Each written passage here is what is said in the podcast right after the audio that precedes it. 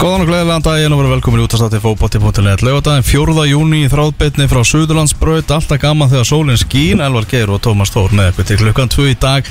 Og það er margt framundan í þættinum. Við erum í, í banastuði þennan laugardaginn Og meðlans í gafastuði því við ætlum að blása til lotterís Setna í, í þættinum. Landslis lotteri Líður einhvern veginn eins og þetta sé svona vestlunum en að helga þáttur því að uh, auðvitað þökkum við öllum þeim sem að eru að taka þátt í fjölskyldskemtun útastátturinn sóbalti.net hérna á, á túninu fyrir utan uh, Suðurlandsbröðina í þróttarafsvæðinu við settum upp svona skemmtilegt hlaup þar sem er svona, það er svona ákunnum stöðum. Þá Mhm. ertu svona neltið í svona litum. Já, mann fari í hvíta bóli Já. og hlaupa og svo koma litir Já, og hérna höfum ákveðið að kalla þetta útvarpslitahlaupið ah. og hérna mikil og góð þáttöka og hérna og dalurinn yðar á lífi en auðvitað þökkum við öllum kellaði fyrir, fyrir þáttökunni þessu og sólinn skín svo sannarlega Við myndum eftir í síðasta þetta, við vorum að gefa bíómiða, hvað er gaman að gefa Mm. Þannig að það verður lotteri og eftir að verður mjög einfalt Þið bara ringið inn, veljið tölu Og baku hver, hverja tölu þá er einhver vinningur Og við erum að fara að gefa miða á landsleik Íslands og Albaníu Sem verður á mánudaginn. Mm. Við erum að fara að gefa nóa bjór, nóa púp. Já, þetta höfum við verið hér í þáu Púps og þjóður í 13 ár. Nákvæmlega, það verður púp í bóði okkar manna á, á Ölveri, púpkort. Þannig að þetta eru alls 40 púpar sem við erum að fara að gefa eftir. Jeez Og svo er það bara hinn umdelta Það er landslýstreyjan sem verður einnig e, gefin. Hvernig finnst þetta treyjan, Thomas? Uh, Mér finnst kallaltreyjan uh, skelvileg og uh, mér finnst hvernantreyjan uh, svona skömmin skári Já, Þó ég skilji alls ekki, ok, ekki skelvileg, hún er ekki flott. Þetta er eins og einhver hafi verið bara fatta hann ætti að klára treyjuna svona síð, síðla föstudags og hann var hann setna á happy hour þannig að hann gerði bara svona kassa niður. Þetta er ekki flott sko, Nei. þú veist það er bara þannig. Ég er ekki, Nei. ég lifið þetta alveg af ég gef, nú, gef mér nú seint út fyrir að vera eitthvað tískulögga En hann þetta er allt í lagi, finnst mér. Ég veist, þetta er bara Mér finnst vombrið að vera að skipta til svona global risa eins og Puma og fá ekki eitthvað meira en þetta. En við ætlum samt að gefa landslýstreyju eftir í, í lotterínu En það sem er skrýtnara samt árunum fyrir lóttirið Það hlýtur að vera þessi kvennatreya Ekki treyjan sjálf, hún er þú veist og það er alltaf búin að leggja aðeins meiri vinnu í þessu rönd Þannig að þetta er svona smá munstur. Já, takk, takk, takk. Bye, bye. Uh, Já, með að fara. Hérna, af hverju eru teppi fyrir aftan stelpunar í þessu púmakynningu? Já, í, í myndatökunni Ná teppi á Þú veist, er þessi, er þessi lína þess að teppi? Þú veist, er þetta teppabúningar? Ég veit það ekki, er þetta hlébarðamunstur, er þetta blóm, er þetta dekkjafar, þú veist hvað er þetta? Nei, þú veist, þetta er náttúrulega teppi Þetta er- Annars væri ekki þess að teppi fyrir aftan það Ha? Það er Og hver er tilvísinu þar? Ég held við værum bara komin lengra þetta að vera með eitthvað teppi fyrir aftan stelpunar okkar sko Ég hérna Já, ég, mér finnst svona eins og það Þú, þú verið ert neykslaður, ég Nei, ég segi það nú ekki. Ég segi það nú alls ekki hérna, og stelpunar alltaf voru vægast að glæsilegar hérna Glótis og, og Sara og þær að, að kynna þessa treyju. En ég ætla að eh, ég ætla að kasta svona smárið og, og svona örlítið kannski rúmlega það ósáttur með, með púmuna svona þessa síðustu vikur verði að segja, ég er ekki, ekki og ég ætla að henda svo, ég ætla ekki að henda svo KFC ég ætla bara að setja þetta á púmu já, bara beint á púmuna. Mm. Já, það eru þeir sem að sem þá eru ekki púma sveitina, ég sakna hennar. Já, Vá, hún var skemmtilega maður.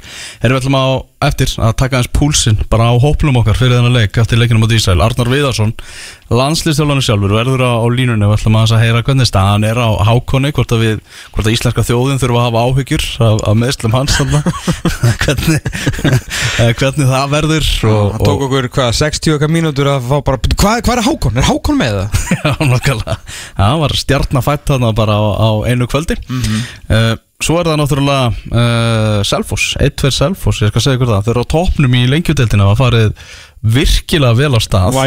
Og þar er leikmaður sem heitir Gary Martin Og við ætlum að heyri honum á, á eftir.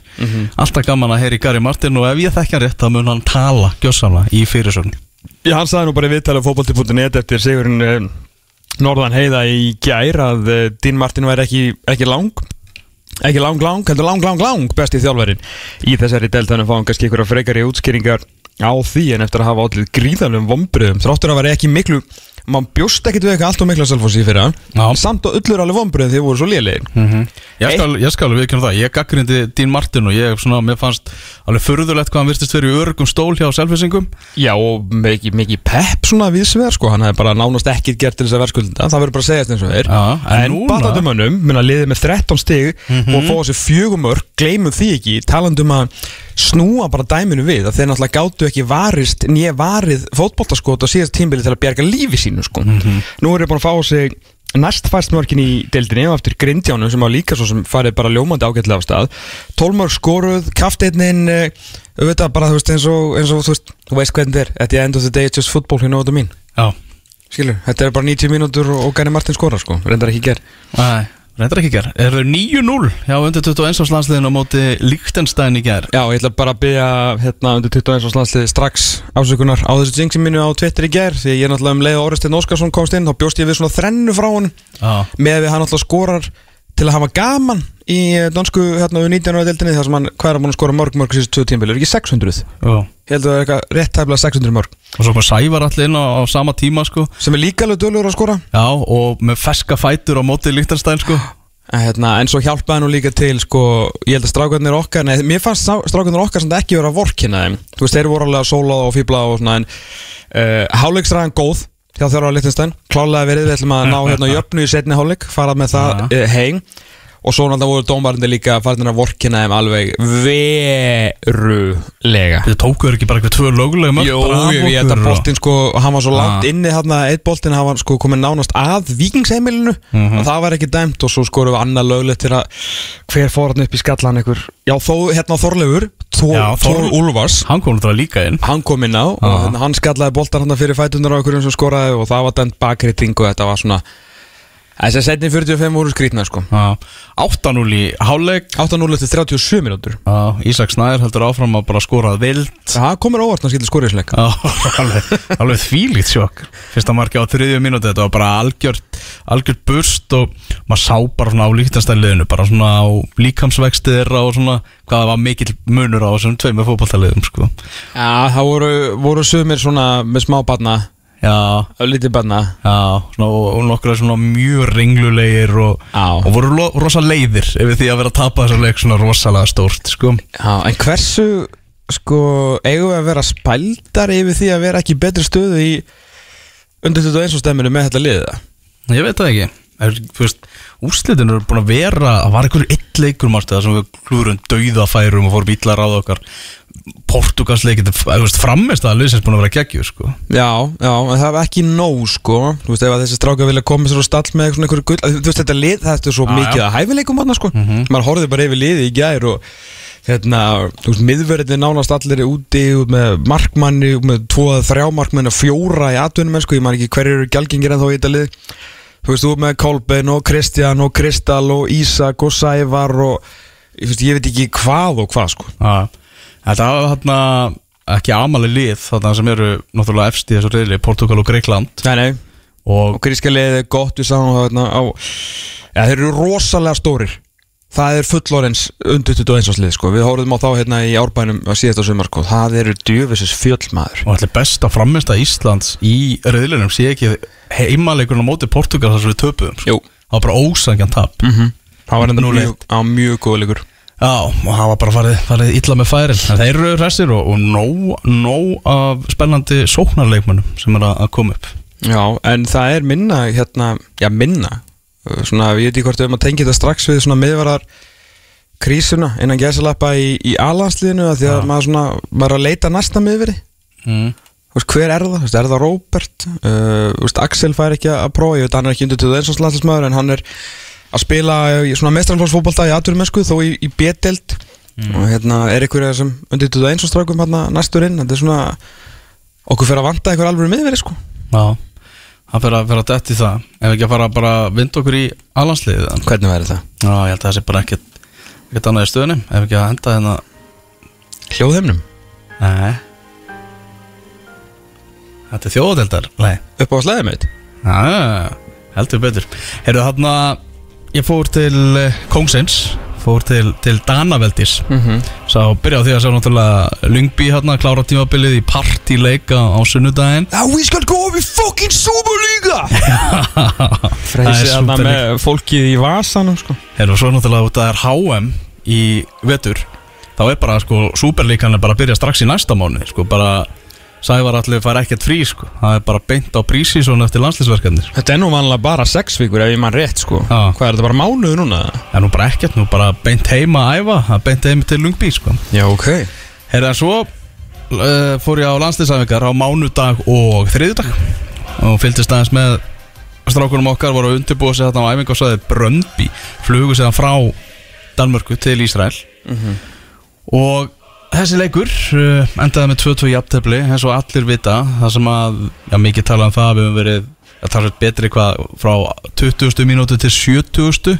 um það bil Jú, jú. það var svona okkar kapli Þessi er langur og góðu gabli Nákvæmlega Þegar við lendum undir þá við svona að bara eitthvað ennitt ennitt svona þróttið að fara að gerast En Maður hugsaði líka af því að marki var ógeðslega lélegt Já. Og það er ekkert þetta Sko, að hulu yfir það. Fyrst Alfons og Brynjar Ingi sem að sameinuðust alveg gjörsamlega hörmulegir og brinnir að verjast þarna ára skettinu sko, bara auðvitað náttúrulega tengingir á milli þeirra slök en þú rennir ekki á afturendan í, í svona stöðu í alansleik sko, þetta er ekki þetta er ekki búið, ég fór aðeins að hérna ég ætla að vona, Sævar, slöktu nú aðeins útvarpinu hann fara ekki að senda mig skilabóð eftir hérna, sko, Slökkum bara á Akureyri núna í smá Brynjar Ingi Mm.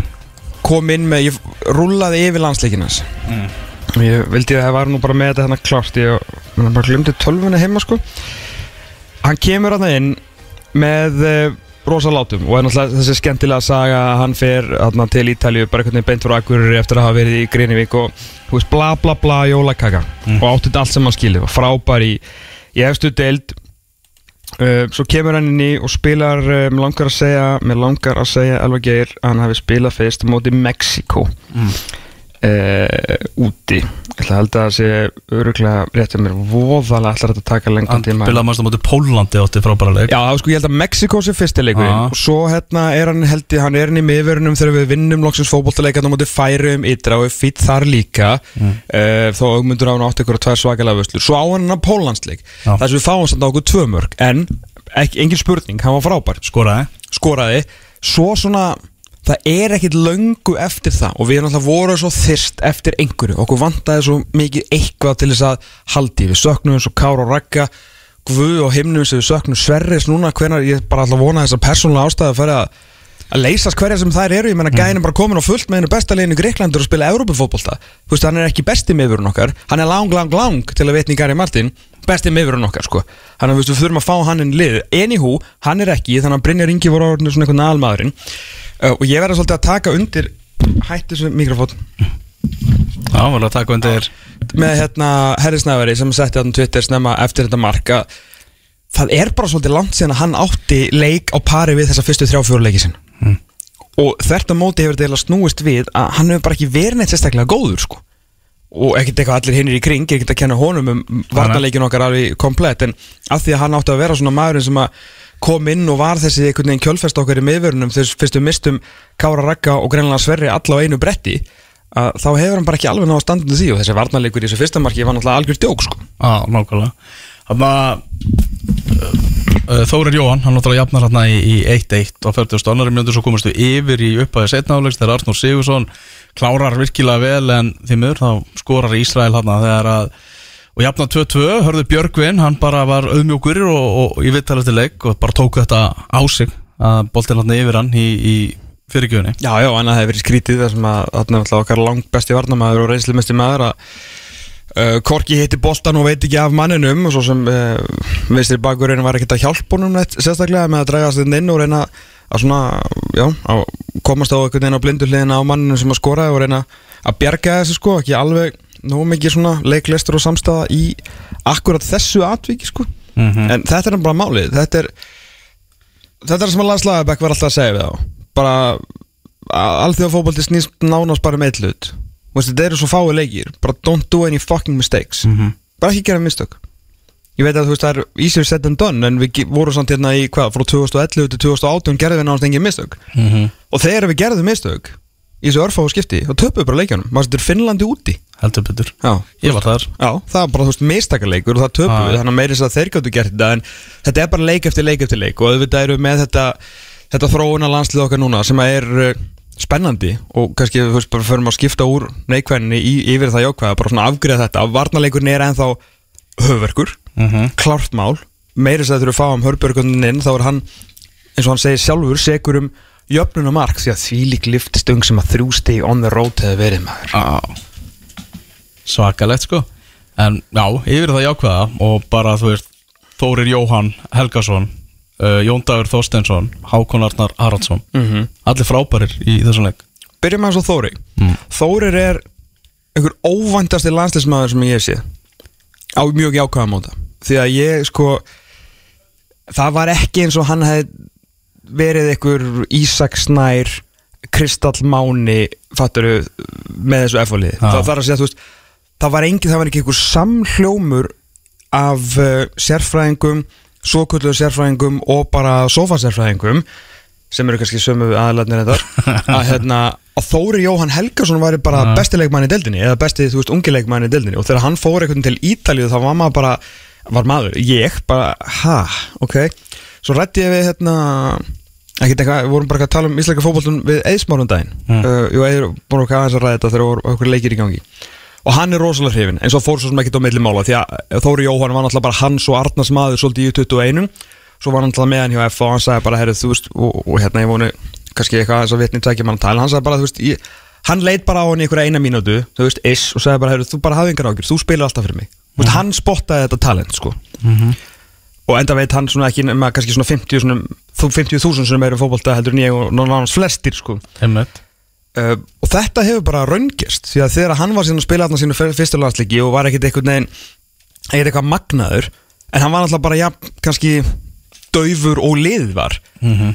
en á meðan að liðið var kannski áfram svolítið dauft og ekkert mikið að gerast þá var hann samt alltaf að taka skref fram á við og nú er hann bara nánast fyrsti maður á blaði þessu landsliði og á það bara fyllilega skilið bara leik eftir leik er hann að skila bara þú veist, 7,5 til 8,5 Mhm. og þegar við höfum verið alveg möglélir í síðustu leikjum þá er hann einn alltaf ljósið í myrkrinu Mhm. þannig að bara hrikalega vel gert ég ég Skoraði og skapaði og var bara þeim til vandraða Já, Ísraelsmennum bara, og, Ah. við erum bara áræðin og hugrakkur og, og getur hlaupið og bara, þú veist, ég, hérna ég veið bara veikinn, ég, hérna, ég sá þetta ekki hérna heima og ég held ég sé ég held mér sér að alveg fyrirgefið fyrir það, því að eins og segja, hann var ekki eins og hann tekið bara þessa Pepsi Max del bara og tekið hann í bóndabíu Mhm. Talandi um að vera, þú veist, fyrstur á blað Við köllum eftir því að Jón Dagur Þorsteinsson er þið bara með, meðal fyrstu mann á blað og nú er það bara orðið staðurinn Já.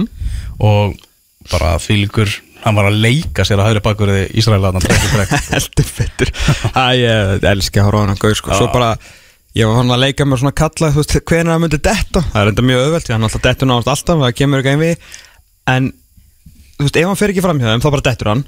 Og það fer svo ógeðslega í taugarnar á hinuleginu hann er svo ógeðslega góður að tjakka anstæðingin upp sem er alltaf, er algjör liskarinn líka. Einmitt. og fyrst að við kannski okkur skortir já, hvað kalla það, þessa, þessa karaktera þessa, hérna, þessa gæja sem, við erum konum með hans öðruvísi landsliði Þú veist, þá er þetta gæjin, skilur þó hann ég veit ekki hversu mikið leiðtóðan er á velli. Ég ætla að sjá kannski fleiri leiki með honum live með þessu nýja íslenska landsliði hvort hann sé eitthvað svona drífandi og þannig. Og það kannski það ákveð endilega að vera hans hlutverk sem er eitthvað svona flamboyant kantmaður. Mhm. en djöfull sem hann getur tjakka mótir hans maður, og ég elska það sko. Þetta er, þetta er karakter. Það þetta, er, þetta er karakter sko. Já, svo, já, Hákon eins og við tölum um, stórstjarna á, á, á einu kvöldi hérna já sá mætti svo, já, Óskar Rapp var að tala um hérna með galdur að- hvað tala um bastlegt hugrekki? Já, já, já, einmitt. Það mátti sjá það svo sannlega í, í Hákon mætti þarna bara, e, þú veist þetta var hans fyrsti alansleikur Mótsleikur. Mótsleikur. Og hann mætti þarna bara reddi að stýra sjóinu í að bara vera miðpunkturinn. Því líkar sendingar, því lík útsjónasemi og, og gæði. Nei, líka bara hvernig hann fann sér pláss og fekk boltan og sneri og bara sendingin á næsta mann alltaf fullkomin og þessi hérna, stóðsending sem átt að vera á Arnór þegar hann, hérna, hann skoraði ekki á döðafærinu 19 ára gamall einhvern veginn á útivelli. Ég veit þetta var ekkit einhverju ókvænlegustu aðstæður sögunar Ísæl hafa náttúrulega engan áhuga á fótboltarlandsliðinu sínu því miður. Ég meina þú veist það var seldur einhver einhver tíu smiðar á 40 eða eitthvað. Já. og hérna allt í góðu.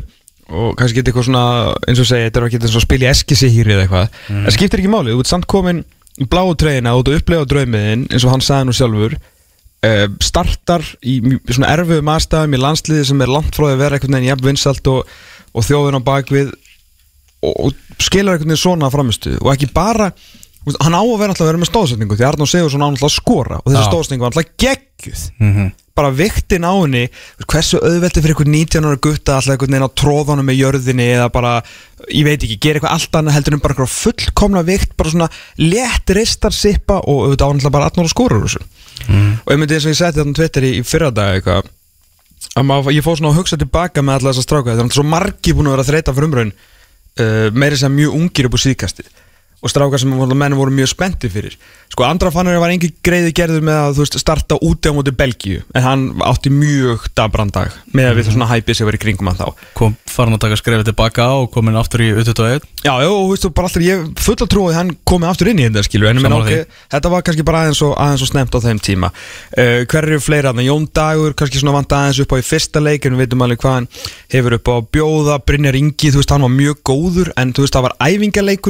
Þú veist, það fór svona Þóri Jóhann, maður, veist, það var eitthvað, það var ekki svona framist eða Ísak allir smá vambröðum þegar hann var að stíga sem fyrstu skref, þannig að þetta er bara besta frumraun, bara frum frumraun og þú veist, mótsleikur, mm útivöllur ný, þú veist, hérna mó, já, mótsleikur, útivöllur á móti fínu landsliði, ekkert eitthvað besta landsliði heims.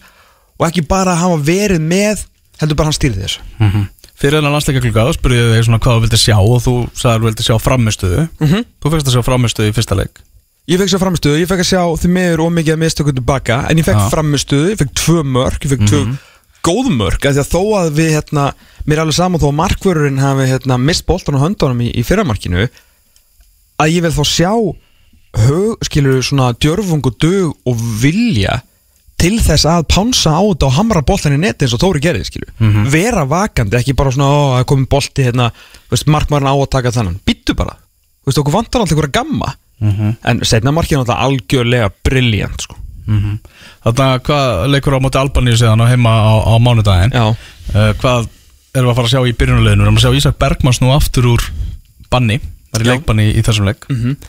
uh, Við erum að sjá Brynjar Ingi fyrir meittur á velli þannig í háluleik uh, Hákon hann Hva, hver, var, hver, var, hérna, hver voru það mesli? Já, Við spyrjum bara átnar rættir Já, hann gaf ekki út eftir leik? Nei, held ekki Ok Og svo er hann Hákon En það er samkvæmt fréttum þá ætti Hákon að vera klár.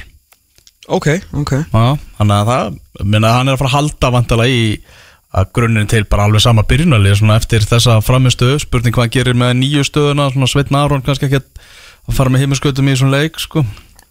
Nei, hann að svona, nei, það er, það er rétt sko að spurning hvort að litli bróður hans yngri bróður hans startið þann leik sko. Mm. og hérna kemur sem ekki dóvart við fengjum bara að sjá fremstu þrjá því að hérna, þetta, þetta gekk alveg ágætlega Hákon, Ísakinn, sko Birkir Bjarna með við hérna sko súrafnistæki sem hann hefði þurft að vera með hann inn á sko, sá, leggur allt í þetta en hann átti ekki neitt eftir þetta sko Mm -hmm. Já, bara því, því miður ja, hérna, Þetta er rosalega mikið hlaup sem að fara í þessa single, single pivot stöðu sko. Þannig að ég veit ekki alveg hvort að hann Hver er framtíð Íslands bara hvað varðar sexustu? Já, þetta er nefnilega stór Já. pæling og ég hef náttúrulega mjög verið til ég hef nú verið með eitthvað svona eitthvað fróðar mennaldur nokkuð til þess að fara aðeins yfir þetta hver er, hver er næsta sexa? Já. Við þurfum allavega, ef við ætlum að, ef að Arna þú við að svona ætlar að vera hérna í ykkur 5, 6, 7, 8 ára eða eitthvað uh, og vonandi bara, þú veist, gengur það vel að það, það verði þannig að þá þurfum við, þú veist, við þurfum okkar rótri skilur ef við ætlum að spila með eitt þá þarf það að vera ekki bara góður, hann þarf að vera ógeðislega góður sko. Það svakalegt svæði sem maður þarf að, fara að dekka en auðvitað þurfum við svona tvo og helst þrjá Já. Meina, við eigum náttúrulega eitt sem að eh, komin upp í Bundesliga eh, sem heitir Guðlugu Viktor mm -hmm. Ég væri alveg til í að fá hann aftur en það er náttúrulega, hann er svo sem það að hann nýtir þessi hlið til þess að hitta svon sinn sem býr í, býr í öðru landi og hérna, það er sjálfsögur bara í besta mál en uh, það er engin Aron Mm. það er engin Guðlugur Viktor hver, hver er það? Það er góða spurningin. Að spila Arnar á eftir? Já, gera það. Gjöru það. Þannig að uh, Birkjum Á Sæfarsson Hann var í viðtali núna í, í mokkanum í morgun Já, og hann fór náttúrulega bara fögurum orðum um, um framistuðu liðsins í þessum leikamóti Ísrael. En uh, segir hérna að uh, ég vonast uh, fyrst og fremst til þess að liðið haldi áfram á sömu braut. Vonandi tekst okkur líka ná í þrjú stig. Það er komin tíminn til þess að liðið fara að vinna leiki og við þurfum ekki líka að gera heimavöldan okkar að þeirri grifi sem hann var uh, án þess að sína Alban í óverðingu þá finnst mér persónulega að við eigum að gera þá kröfu að við vinnum þá okkar eigin heimavelli. Uh, Arnar Viðarsson talaði hann fyrir Íslandsleikin eftir Íslandsleikin að hann er sagt til liðið að hann myndi sætta sig við stig á þessum útivelli. En þá þurfum við náttúrulega að vinna heimaleikina. Ef við ætlum að vinna þennan þryggja liða reyðil þetta eru bara þessi þrjú lið Íslandi, Ísrael, Albanía, sigurliðið fyrir í A-dild þjóðatildarinnar Mhm. og þetta verður svakalega jöfn kjarni Já hún, hún verður það en, en er ekki Albanía besta liðið sem eða? Já, Ísland er besta liði í þessum riðli samkvæmt uh, FIFA styrkleikanistanum sko margt jákvæmt þess að segja mér svo leikum átt Ísrael að við þurfum ekki að fara allt og mikið upp í skíin því að Ísrael hefur ekki verið að gera neitt í, í landsliða fótbolta undanförnu og eru 13 sætum fyrir neðan okkur í FIFA listanum sko Nei, ég meina við erum alltaf orðin það hungruð í eitthvað svona, eitthvað jákvæmt og skemmtilegt við erum alltaf töpum glórunni eftir að við unnum Lichtenstein hérna á heimavelli og, og allt í meina allt í lagi glæðjast yfir því sem að þurfa vel gengur. Og við getum alveg notið þess að fengi stig hérna á þessum útöfelli gegn Ísrael þar sem við fengum framistuðu og fengum svona mikið að ljósum punktum og veist, við veitum að það lag, það sem okkur vantaði er einhver alveg framstæð okkur alveg sóknarleikur og skapa einhver færi. Við fengum það allt saman og ef það er eitthvað sem á að vera hægt að laga þá er það að bara standa rétt í vörninu og koma boltanum í burtu sko. mm -hmm. það er hérna, þannig að við veitum alveg hvað vandamáli er þar uh, ég er, ég er svo litið smeykur um að við förum kannski eitthvað aðeins fram úr okkur því að ég held að Albani að sé og ég get ekki verið sammála Birkjum á, ég held að hann sé svona aðeins að horfa til aðeins að nokkur ára aftur í tíman að við eigum að vinna Albani á heimavalli ég, við erum ekki það liðið dag að við eigum að vinna Albani á heimavalli það væri mjög gott að vinna Albani á heimavalli en þeir eru með leikmenn í góðum liðum og þetta er gott lið sem að hefur uh, leikið okkur frekka grátt sko, meiri þess að mjög góð íslensk landslið sko mm -hmm. þannig að ég, hérna, ég myndi segja sigur á mándagin er þið svona kæmi mér bara mjög skemmtilega óvart mm -hmm. uh, Fyrst ég var að tala um FIFA listan þá sko Rúsland er í 37. sæti mm. þeir detta út Við erum í 63. sæti Albania í 66 og Ísrael í 76 En ertu með eitthvað kurvu hver er að fara upp og niður? Er Albania búin að fara upp eða, vistu það? Æ, ég er ekki með það sko Ok, en við erum alltaf búin að fara niður við, eðlilega Við erum bara, bara allir. í, í dæn hérna heilli nýri, kynsluð í einu sko Unnum bara Lichtenstein og, og færi að síðast Já Það var áhugavert líka að sjá þegar Rúnar Alex talaði um hátna í vittali á Viaplay um, um bara ósakjarna gaggrinni sem að liðið hefði fengið og hvernig svona Rúrik og Kári aðalega svöruðu því Hvað segðu það er? Ja, Kári sagði það að það væri hátna, bara, algjörlega, algjörlega ósamála því. Sagði bara að benda það að við höfum bara unni þessi lið og kröfum það bara verða að vera meira, meiri. Þetta er lið sem er skipað bestu fótboltamönnum Íslands Mhm. og bara við höfum ekki sætt okkur við svona háttfall sko. Nei, það er ekkert, við, ekkert neitt við þetta að bæta. Það er ekki ósangjör gaggrinni þegar þú vinnur bara Lichtenstein Það er mitt Það er ekki sérstaklega flókið sko. Sérstaklega flókið regnustemmi En Rúna góður Já, Rúnar átti flottanleiki í markinu. Já. Þannig að hann stóð sér vel og bara las anstæðinguna vel þegar voru að koma sér hérna í, í góð færi. Hvað ætla samt heimurinn að gera mikið mál úr þessu Patrik stæmi bara áður en allir fá bara líður yfir þá? Já, hérna með stöngina þannig Já. Góð spurning sko. Hefur ekki aðeins bara að anda með nefinu og, og þetta eru svona þrýr sentimetrar sem að græða á þessu sko.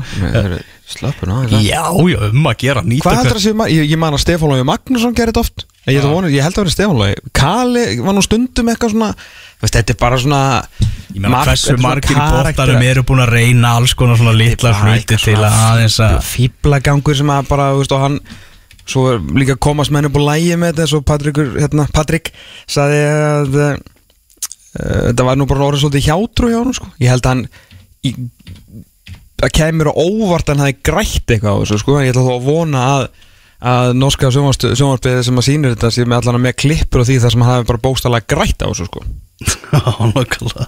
Það er bara þannig. Herra, Við ætlum að eh, fara að taka upp síman og ætlum að ringja í, í landsliðs þjálfaran okkar Arnar Þó Viðarsson og hann ætti að vera á línunni. Góðan og gleðilegan daginn Arnar Góðan daginn. Hvað segja mann gott í dag? Allt ákveðst bara. Það eitthvað að njóta sólarinnar? Nei, ég, ég, við erum nú staffið mest lokaði bara inni að skoða okkur að klippur og undirbúa mánudaginn en við hérna fyrir maðurgastir þá njótu þess að vera út í solunni. Hvernig, hérna, hvernig horfði þessi leikur uh, við þér? Þú er vantalega búin að horfa á hann svona 2-3, 4-5 sinnum, sinnum aftur hver er, svona, hver er síð, síðbúin greining frá, frá þjálfuranum? Ég held að svona tilfinningin sem við höfðum strax eftir leik sé svona tiltölulega rétt uh, erfiðar 10-15 mínútur til að byrja með við vissum að Ísrael myndi reyna að pressa okkur hátt og reyna að spila háu tempói en svona í rauninni kannski bara strax eftir markið sem kemur eftir maður hann að kringum 30 að þá var eins og svona okkur byrjaði að líða betur sérstaklega á bóstanum og byrjuðum að skapa okkur betri stöður og, og, og tækifæri. Þannig að í rauninni frá því að þeir skora og svona allt fram að að mínum að þetta er svona í rauninni fram að því að þeirra þórir á mjög gott færi setna áleika þá fannst við vera bara jafnvel betri aðalni í leiknum og fengum betri færi heldur en þeir Mhm. en það er svona kannski á þessum tímabúndi sem við hefum þetta að skora þriðjamarki til þess að hérna til þess að geta að loka þessu og svo náttúrulega er hérna síðustu tímindnar frá svona 8, ja, 15, 80 til 90 pluss að þá lágu þeir bara á okkur og, og þá hefðu þeir alveg, alveg geta tekið þrjústígin en, en það er oft hannig, you make your own luck við unnum fyrir þessu og, og strákanir lögðu inn lögðu inn hérna bara nógu mikla vinnu til þess að eiga, eiga, eiga stígi skilið. Þannig að það er svona kannski stuttum áli leikreiningin strax eftir leik og bara í dag líka Þú lítur að vera svolítið sáttu með, með strákana, þú veist, 1-0 undir á, á, á útivelli, náttúrulega búið að, veist, ganga, ganga brösulega fremstu 6 fyrir utan kannski Birki, þú veist, á aldrei um hann svona 19 til 23, 4, hefði verið mjög öðvelt svona kannski aftur að verða litlir í sér, en, en svona ungi strákjar bara einhvern veginn, ég veit ekki, þetta var svona fyrsta sinn sem maður kannski séð virkilega að þeir bara settu hausin upp frekar og síndu rosalega svona einhvern veginn svona, veit ekki, djörfang og dug ég að ég bara koma sér aftur inn í hennan, leik og raun og veru taka, taka yfir. Svona lítur að vera smá þróskamerki fyrir, fyrir þjálfarana að sjá. Já, ég er alveg sammála því og þetta var svona kannski, fyrir mér kannski annarskipti sem við gerum það. Og það var eh, ekki það síðastlega haust þá lendum við líka nokkur sem mundir og komum tilbaka. En held að það sé svolítið bara í okkar DNA en, en þetta er akkurat þessi hlutir sem við höfum verið að tala um uh, að við þurfum sérstaklega ungu strákunni þurfa að læra rosalega frætt Mhm. og það er þegar við erum að tala um að læra það þá eru það nákvæmlega þessi, þessi hlutir. Við þurfum að verða svona eins og við segja á Englandi það er að ruthless. Við þurfum að vita hvernig við erum að brjóta okkur hvernig við erum að hérna svona game management, hvernig við erum að byrja að, bara spila á klukkuna og, og þetta er allt hluti sem að þau eru að gerast og svona frætt vegna þess að við í, í þessum, þessum landslýsbolta þá, þá er þið bara refs að þú gerir það ekki. Og til dæmis núna annar marki sem við fáum á okkur það, það er mark sem við hefum geta komið í veg fyrir á 850 mínútu. En eh, eins og ég segi það, það er mjög jákvæmt að, að hérna að liði stíu upp og, og, og brotni ekki og verði rauninni sterkari eftir að hafa lengt undir en þetta eru bara þessi hlutir sem við erum búin að vera að tala um núna enda þarna mánuði og þetta er svona kannski bara mjög jákvæmt skref að þetta sé að koma. En ég vil sjá uh, liði tengja við þetta á mánudagin og ég vil sjá liði taka enda og fleiri skref í áttina því að verða þetta, það fyrir ná að verða bara ruthless og við verðum fullorðins og við verðum um, svona lið sem er bara djöfulegt að spila á móti. Við erum ekki alveg komnið þangað en við erum að taka rétt skrefin í rétt átt. Mhm. Og tala um þetta leikina á 50 dagina svona fyrirfram þá hefur verið já, bara nokkuð ánæði með, með, með stíið í, í þessum leik er það sem þú ert að hugsa bara við vinnum heimaleikina í þessum reyðli og, og reynum að ná jafntefli á útíföldunum Já, þetta er, þetta er svolítið skrítið að því að við erum bara þrjú liði í þessu reyðli það er svona ég hérna það við strákunum líka eftir leikar ég, ég, maður lærir eitthvað til dæmis síðasta ári þá til dæmis leikur nú út á móti Armenju í massi fyrra, það er svona leikur sem maður lærir mjög mikið að ekki bara uh, spilalega séð, taknilega séð, taktislega séð líka bara svona land, sko þessi landslýsfóbolti ef, ef ég hugsa tilbaka þá hefði það að leikur sem töpum 2-0 og bara leikur sem við hefðum auðvitað átt og, og hefðum átt að geta silt í jafntefli bara 0-0 og taka stíu heim. Að það breytir stöðunum svo mikið í riðlunum þannig að þetta er þetta er eitthvað sem við erum að hugsa. Ég hugsa að anstæðingurinn hugsa það sama hér hjá okkur. Þannig að, og þegar það er bara orðin þrjúlið eftir þessu riðli þá, þá þarf svo lítið til að í rauninni uh, kannski annarkvort eiga mögulega að vera efstur og svo þarf líka mjög lítið til til þess að vera bara náttúrulega í þriðarsæti þannig að það er erfitt að spá fyrir um hvort að hvort þú verðir að vinna á heimavelli eða hvort það sé nóg að vinna eitt leik á heimavelli og, e, úst, og, og vera bara inn í þessu þangu til í september. Þetta er eiginlega þá maður byrjar að reikna og, og ég fór ekki í háskóla Ekki við heldur þannig að við erum á saman bóti Heyrðu, þarna, hvernig er staðan bara á, á hópnum? Að Brynjar Ingi fyrir hérna metur á velli í háleg Hákon Arna sagði nú að íslenska þjóðan getur nú verið nokkuð róleg hann ætti að vera aftur að ná þessum leik hvernig er staðan á, á þessum leikmannum? Uh, við erum bara að taka núna síðustu það sem við gerðum í gær við, það var langt ferðarlega heim og vorum, vorum að 14 klukkutíma að ferðast frá vellunum í Hæfa fyrst uh, tvekja tíma uh, rúta til Tel Aviv og, og, og það var skrautlegt á flugvellinu þar þannig að það tók tvo tíma á flugvellinu líka að koma okkur út í flugvel þannig að við vorum 14 klukkutíma leginni heim. Þannig að við tókum við mjög rólega gær og við erum búin að taka mjög rólega í dag sjúkraþjálfarnir okkar og læknirinn eru búin að vera á fullu og ég er rauninni bara að fá núna síðasta uppdate frá lækninu núna fyrir hálfdegismat en það lítur bara mjög vel út. Mennur þreytir en, en það er ekki lítur allavega þannig út að það sé ekki meittur uh, fyrir utan Willum sem var búin að vera í rauninni átt bara allar síðustu viku þannig að við erum að taka líka síðustu síðustu, síðustu tjekk á honum. En Hákon og Brynna sem fóru í rauninni út að meittir og Birkir það lítur ágætlu út þannig að þetta er svona það er bara spurning um að ná sér að hérna, næra sig og, og ná kröftum aftur og og bara í rauninni hvað taka ákvörnum það hvað, hvað hérna, hvort við þurfum að fá ferskar lappir inn í leiktu og hvað margar ef við þurfum að fá ferskar lappir, þetta er bara spurningum hvað sem margar.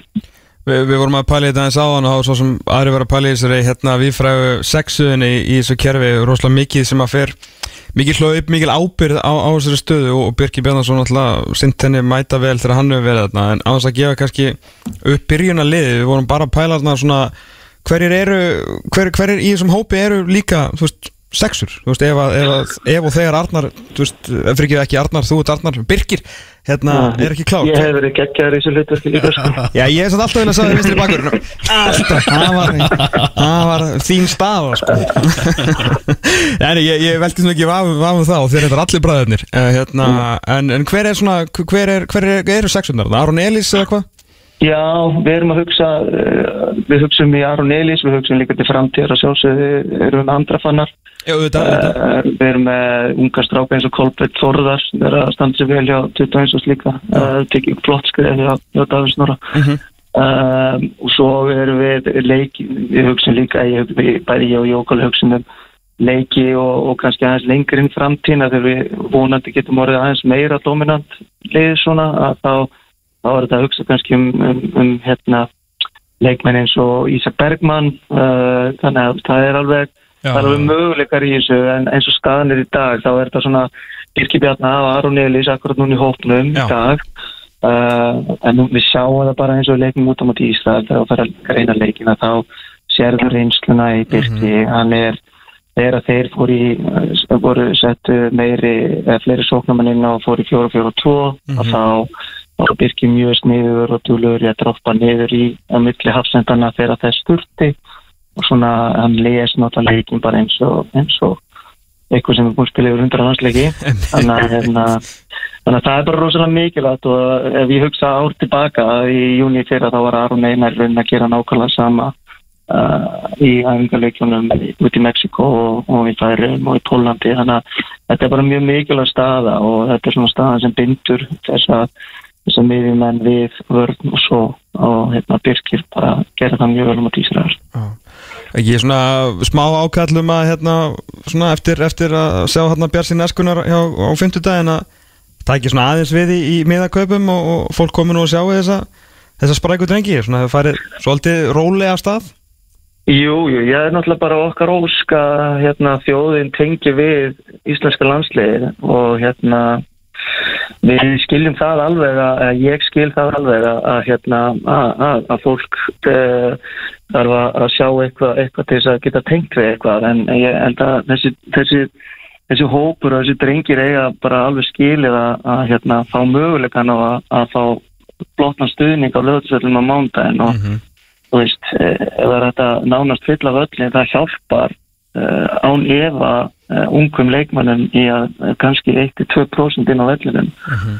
og það er bara hansi mikið í, í fókbalsta þannig að ég, hérna, ég, ég vona það að fólk sjáu að þetta eru, þetta eru hérna, framtíðarleikmenn og uh, það, ég er búin að segja það oft, ég er alveg pottitur af því að Íslandi eftir að eiga frábært landslið og eiga möguleika að komast að loka mót aftur innan skams tíma en þetta tekur bara allt smá tíma að hérna svona mótast og við vonum að fólk náðu sér um miða og, og getur sagt eftir tvö ár, herðu, ég mann og þegar maður fór á leikina þegar þeir voru bara rétt að byrja þessu sko. Já, nákvæmlega, það geta sagt að sé svo til dæmis Ísak Bergman skora fyrsta marki sem að þú veist, reyndar ekki allir sáu þannig að Já, nákvæmlega. Arnar, uh, takk hjálpa fyrir spjallið og gangi ykkur bara allt í hægina á mánudaginn Takk svo þar, Heyrust Heyrjumst bara bye, bye, bye. Aldrei ekki Arnar Meðarsson landstjálfari þarna á línunni En er það komið að leik sem að það er heimavinna fyrir þig? Herru, hérna, ég ætla að byrja samt á að því að stóru fréttina mínar. Herri já, þú ert með fréttir. Já, það er uh, Það er dóu. Rétt árni komin í þáttinn Það þú ert búin að lofa stórum fréttum á samfélagsmiðlum. Já, ég vissi um, leið- Ég er búin að vera í svo rosalegu jinx-stuði þess að dana Ég vissi um leiðum myndi tvíta þessu Það myndi þetta ekki dettu En það er sem sagt uh, Það átti að vera Stórtíðindi. Mm. Sérst, átti að vera, átti að vera tímamót á mándaginn Í, uh, á uh, Lögatarsvelli Á leiknum, Já. Hvað átt að gerast? Já, ég skal segja það að alveg gera það stóð, og stendur til Og stóð þó til á mándaginn Hvað er þetta að fara? Að í fyrsta sinn Mm. á lögatarsvelli Já, Átti að vera seldur púp var hægt við það? Það fór aðeins í skrúuna uh, Ekkert alvarlegt Bara, þú veist, þetta átti að vera hérna Svona alheims Sko, ertu búin að smakka hérna Ertu búin að drekka bjóri í víkinni í sumar eða? Já Það hefur gert, hann var góður. Já, hann var mjög góð Þetta er alveg nýja vikinglætin hann, er búin að vera í generalpröfu á vikingsvellinum og hvort það sé Ó, maður ekki, kópáksvelli eða eitthvað Maður er búin að vera í generalpröfu á tveim stöðum sko. mm. Og svo átti að vera alheimsfrunnsynning á mándaginn Fyrsta sinn. 4,4% light, þú veist. Gott fyrir Belgin Ekki kannski alltaf gott fyrir heilan að þú færir á marga En mjög gott að þú færir svona tvo. En það bara tókst ekki. Og hérna að, að að En þetta verður þá bara á þar næsta leik skilur Þetta er ekkert ekkert alvarlegt. Það er bara Ísraelsleiknum Ísa, Ísæðisleiknum, ég ætla að giska að þetta verði þá sko. En, sá hvað eru konið langt? Ekki bara kaff og stjörnufótt Ha, Viking light on the crane í sólinni Það maður. eru við kultúveraðir Ég veit Það er það, rosalegt. ég veit það. Það er þannig.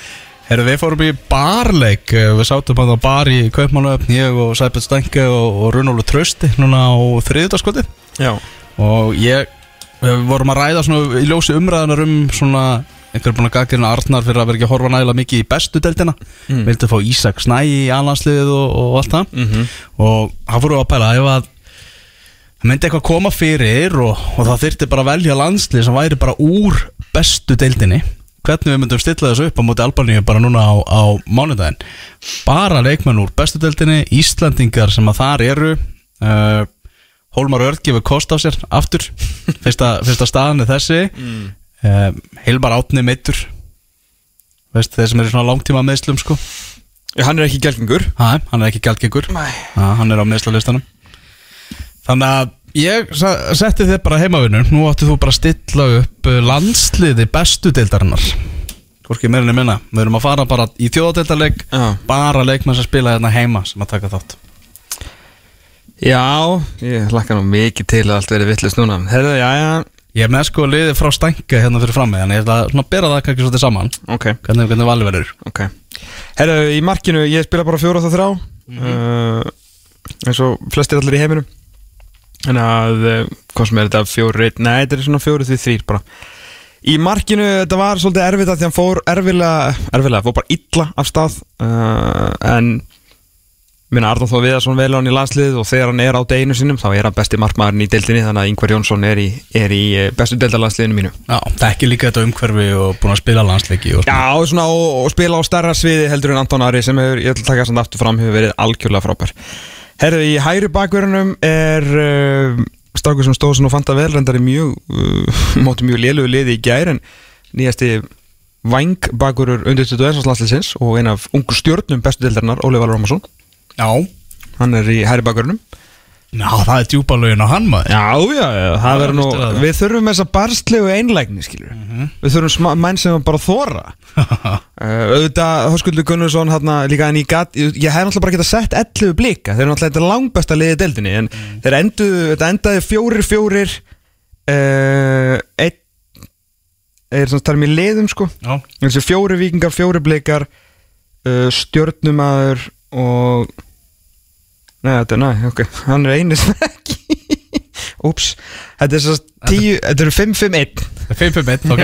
Er Óli Valur er í hæri bakgrunum og uh, bara einn minn allra uppáðars bakgrunur í þessari del Davíð Ingarsson er í, er í vinstri bakgrunum. Uh, algjörlega frábær leikmaður sem að hérna fær uh, einhvern veginn samt ekki mér finnst hann ekki ennþá fóna og mikið, mikið lof.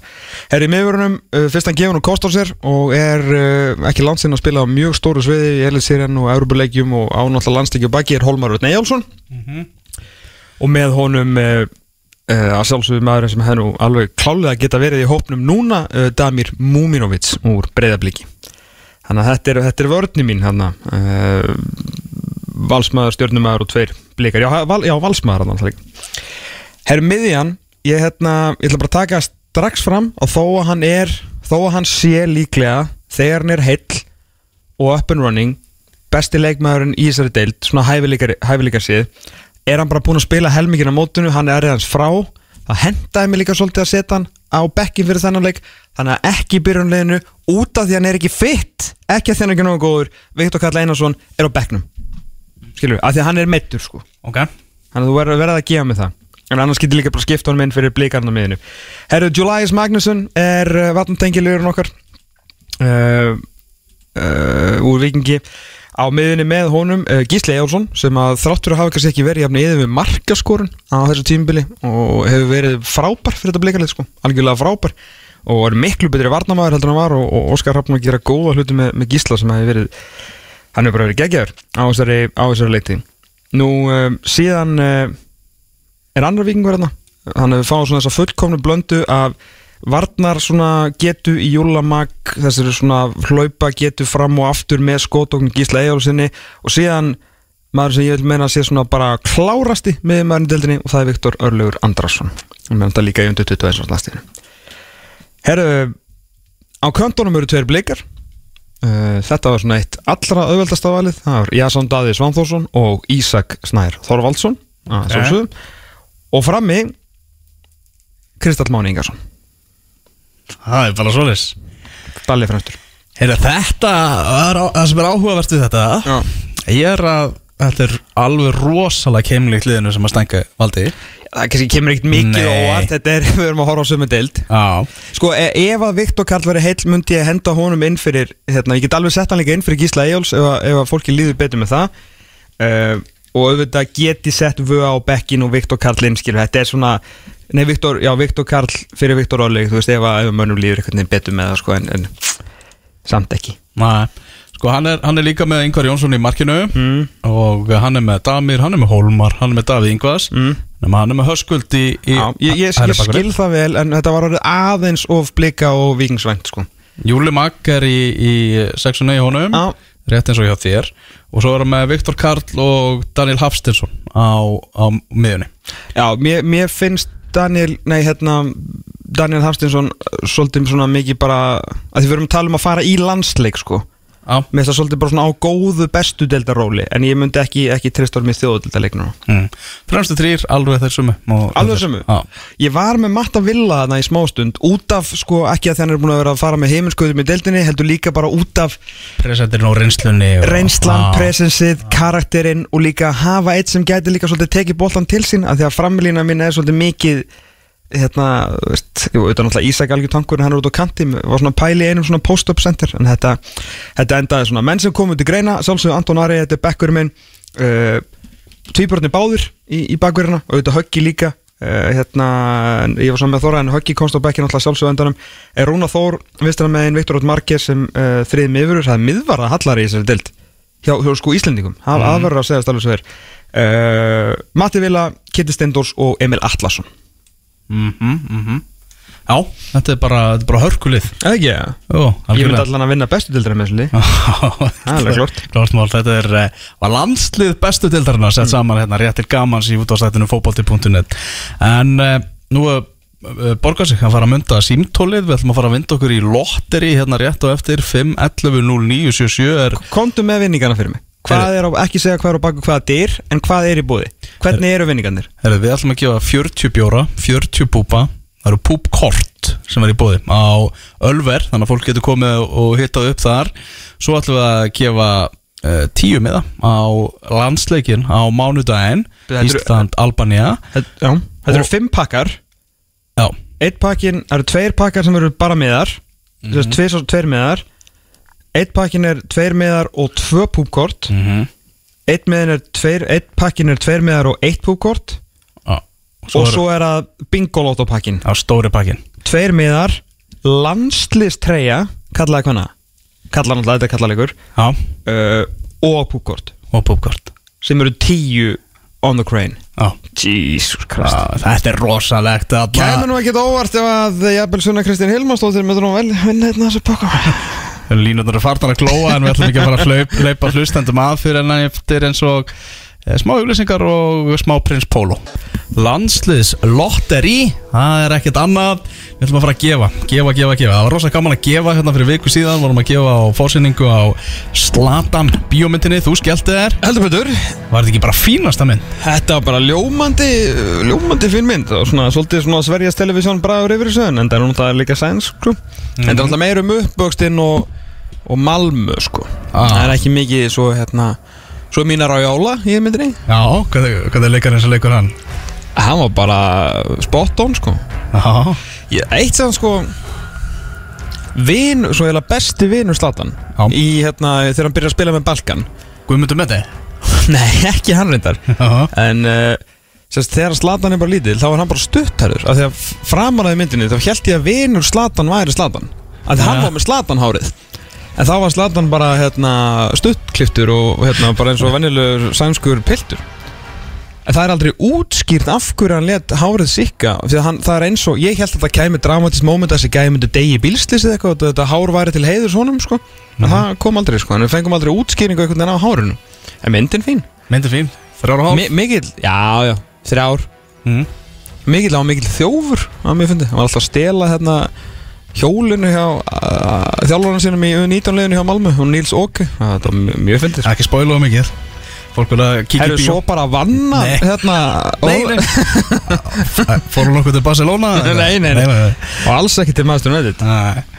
Herðu landsliðs lotteri Aldrei um að þetta verði svona reglur dagskóliður ef, að, ef, ef þetta verður skemmtilegt. Við þurfum samt að vona þetta verði ekki reglur dagskrárlegur því að ég fekk bara svona, þó ég við höfum gaman að þessu þá fekk ég smá svona flashbacka þegar ég fór nú á skrifstóti Þóra Sákornar og spurði þetta var að sækja miða fyrir okkur að gefa í útvarpinu og hann ítti bara á print on og svo fór hann bara eitthvað í kaffi skilur, ég hef bara fengið þess marga miða og ég vildi. Ah.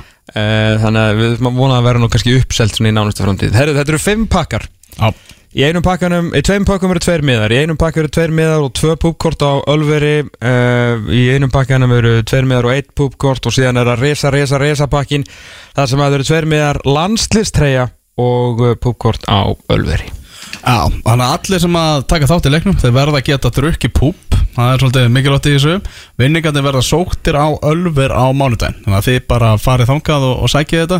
Getið þá bara notað púpkortið klætt ykkur í treyjuna eða hvað sem er. Hitta upp í leikin, verður hvað, 1845 á mánudaginn. Mm. -hmm. gleðistund á ölveri hefst klukkan þrjú Uh, húsið opnar 12 þannig að bara þegar, þegar þér hendar þá getur þú bara að byrja að skvetta í þig og og- bakararmeistar hann opna 7 Þannig að getur bara verið í glæsibæður Eða 6 held ég mér þess Þannig að getur bara verið í glæsibæður frá, frá mótnindi kvöld Bókstælega Mm, við erum með fjórar símalínur hérna.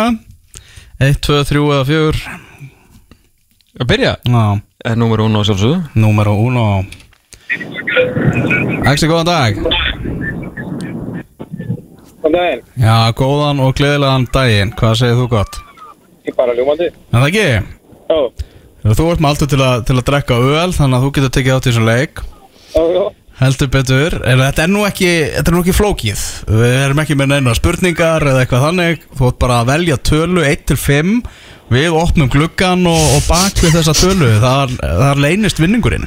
Þetta er svolítið eins og bingolotto var með gamla dag og maður setið því sko. Jú, jú. Bingo Bjössi, hann er hérna með okkur í, í stúdíónu Já, vanda sko, hann er, þetta er alltaf við, það er hann á mál sko Herðu, viltu glugga nummer 1, 2, 3, 4 eða 5?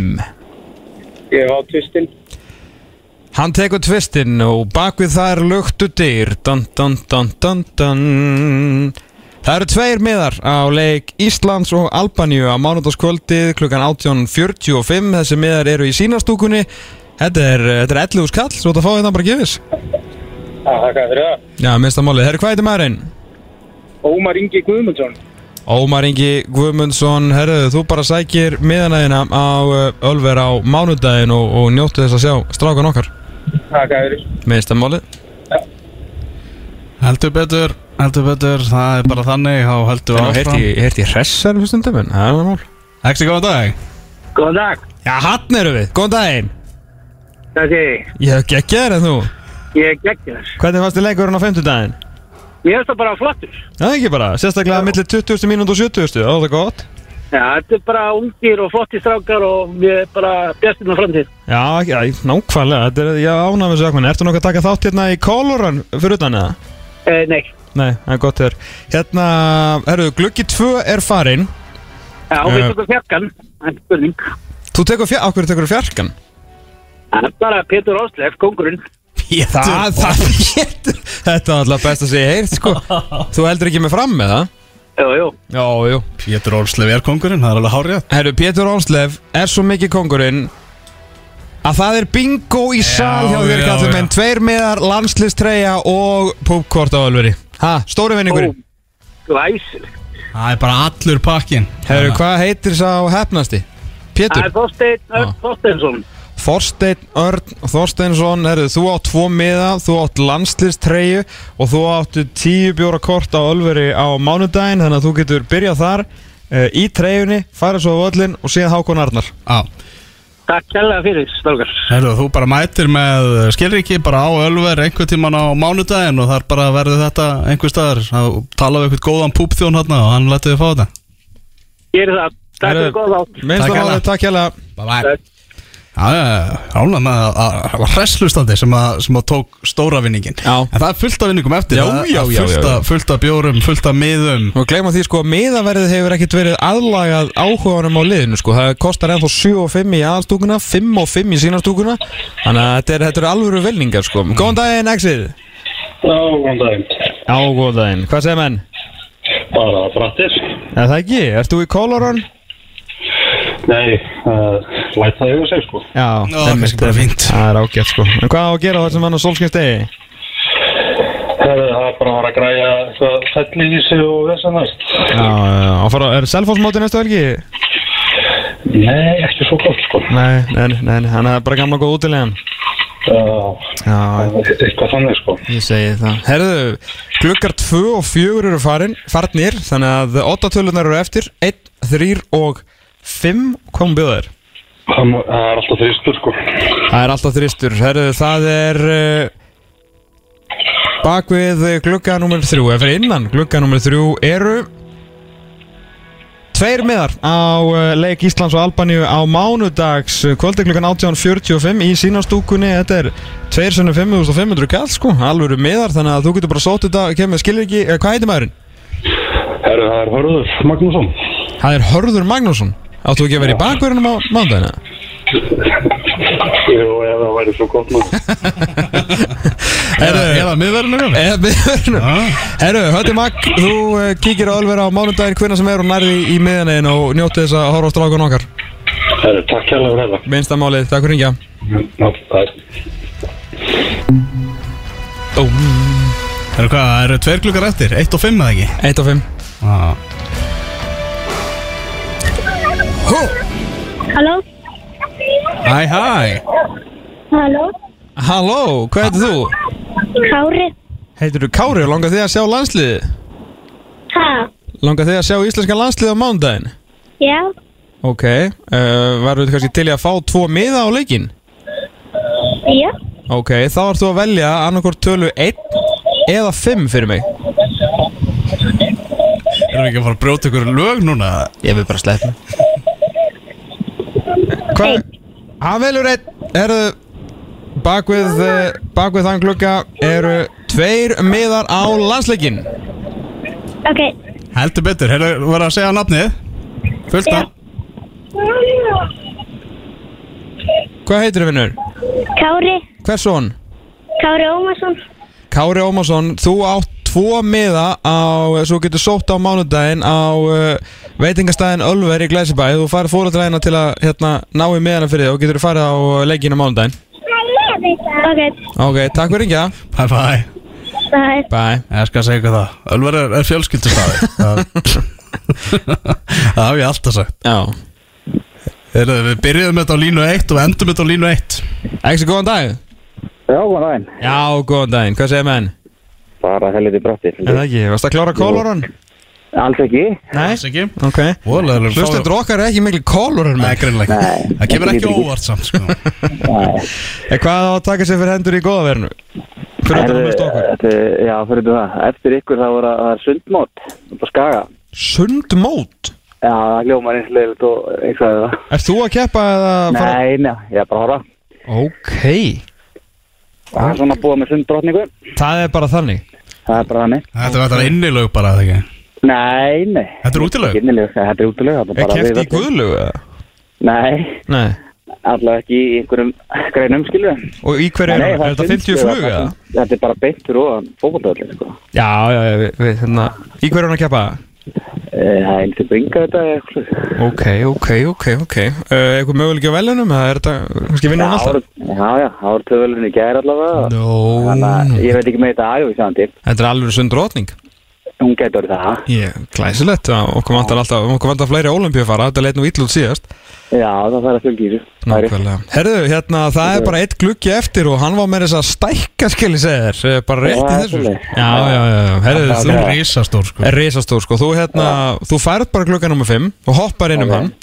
Og uh, bak við uh, gluggan, fyrir innan gluggan alltaf nú að segja til þess að tala rétt að íslensku eru tveir miðar á landsleikin á mánudaginn klukkan 18.45 og það sem hann uh, Kári var aðeins og lítill að þá farið þú tvö púpkort sem eru 20 á granakallum minn sko Það er bara svo leiðis. Já, já, já, hann að þú ert að byrja upp á skaga? Nei, þú ert að fara upp á skaga Nei, ég er að vera upp á skaga. Nei, nei, ég er í Mosó.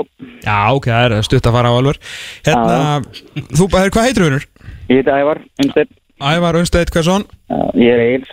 Ævar Unnsteinn Egilson Þú bara kíkir við á alveg kurna sem er á uh, mánudaginn samt svona eftir að opna kannski betra. Og, Klukkan 12. og klukkan 12 og færið hérna á tvo miða og tvö, hérna, tvö björkort. Herru, takk fyrir það. Minnst að máli.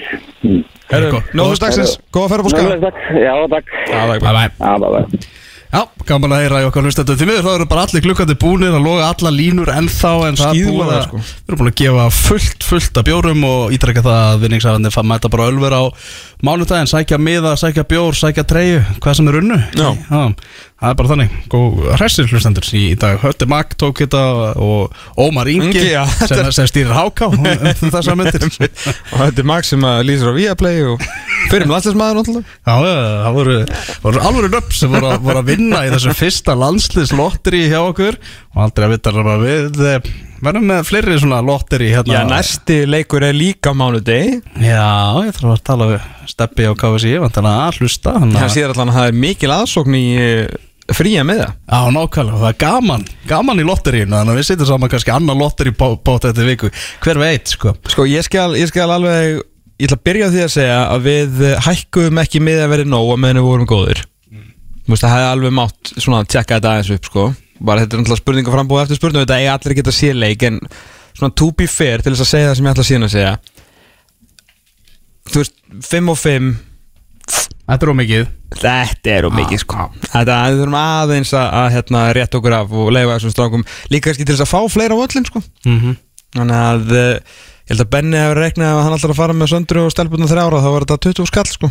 En Við, hérna, þetta er ekki alveg við þurfum aðeins að laga þetta. Já, meðan við erum þróunalandslið Já, meðan við erum, meðan þessi strákar er að byggja sig upp í að eh, maður borgi 5 og 5 að þá hérna er þetta, er þetta allt ykkur en, en þú veist, vonum bara að mæti sem flestir. Og við erum alltaf búin að senda tíum manns. Við gerum okkar. Það er þannig.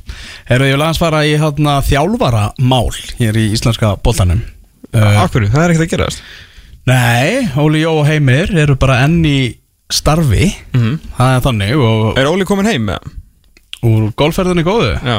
Ég veit að er, og er Börkur komin heim frá San Francisco. Það er ekki kátina í kriganum með þessa golfferskali þeir Ok. En ég meina þú veist, það er svo næsti leikur um miðjan mánuðin Er ekki bara, þú veist, þegar það gengur svona illa Er ekki bara fínt að bara svona aðeins að menn fái frí frá hver öðru? Ég, ég veit, viðst, Óli hefur öruglega síðan ástæði fyrir þessu sko en, en hann er allan að auðvitað ekki búin að koma til skila bæði í, í menn sem að hérna eru þarna involveraðir í lið og sömulegis líka bara í stuðningsmenn sem að ég hef eh, bæði talað við persónulega síðast í gær og síðan á samfélagsmiðlum að þeir eru bara mjög ókvæmdu með það. Já, það er ekki mikil gleði í kriganum Nei, því miður. Nei, maður held einmitt að það er bara gleðið eftir Óli og Bjössi myndu mæta sko. En það er ekki, það er ekki Nei, mann er ekki alveg að dansa í takt þarna. Um, Ég heyrði það bara innan úr bara rótum FH að Óli yrði áfram Það var bara Það fullir fyrir ekkert á milli mála annars verður var að farin. Já. Uh, Þrátt fyrir að jú, verður með lagar árangur heldur en Lógi Ólafsson var með í fyrra þegar hann var reikin en, uh, og þrátt fyrir þessa sögu sem við vorum að heyra að Eður Smári væri duglegur að mæta í krigan í, í stúkuna sem að hefur búið til ennfrekari sögur.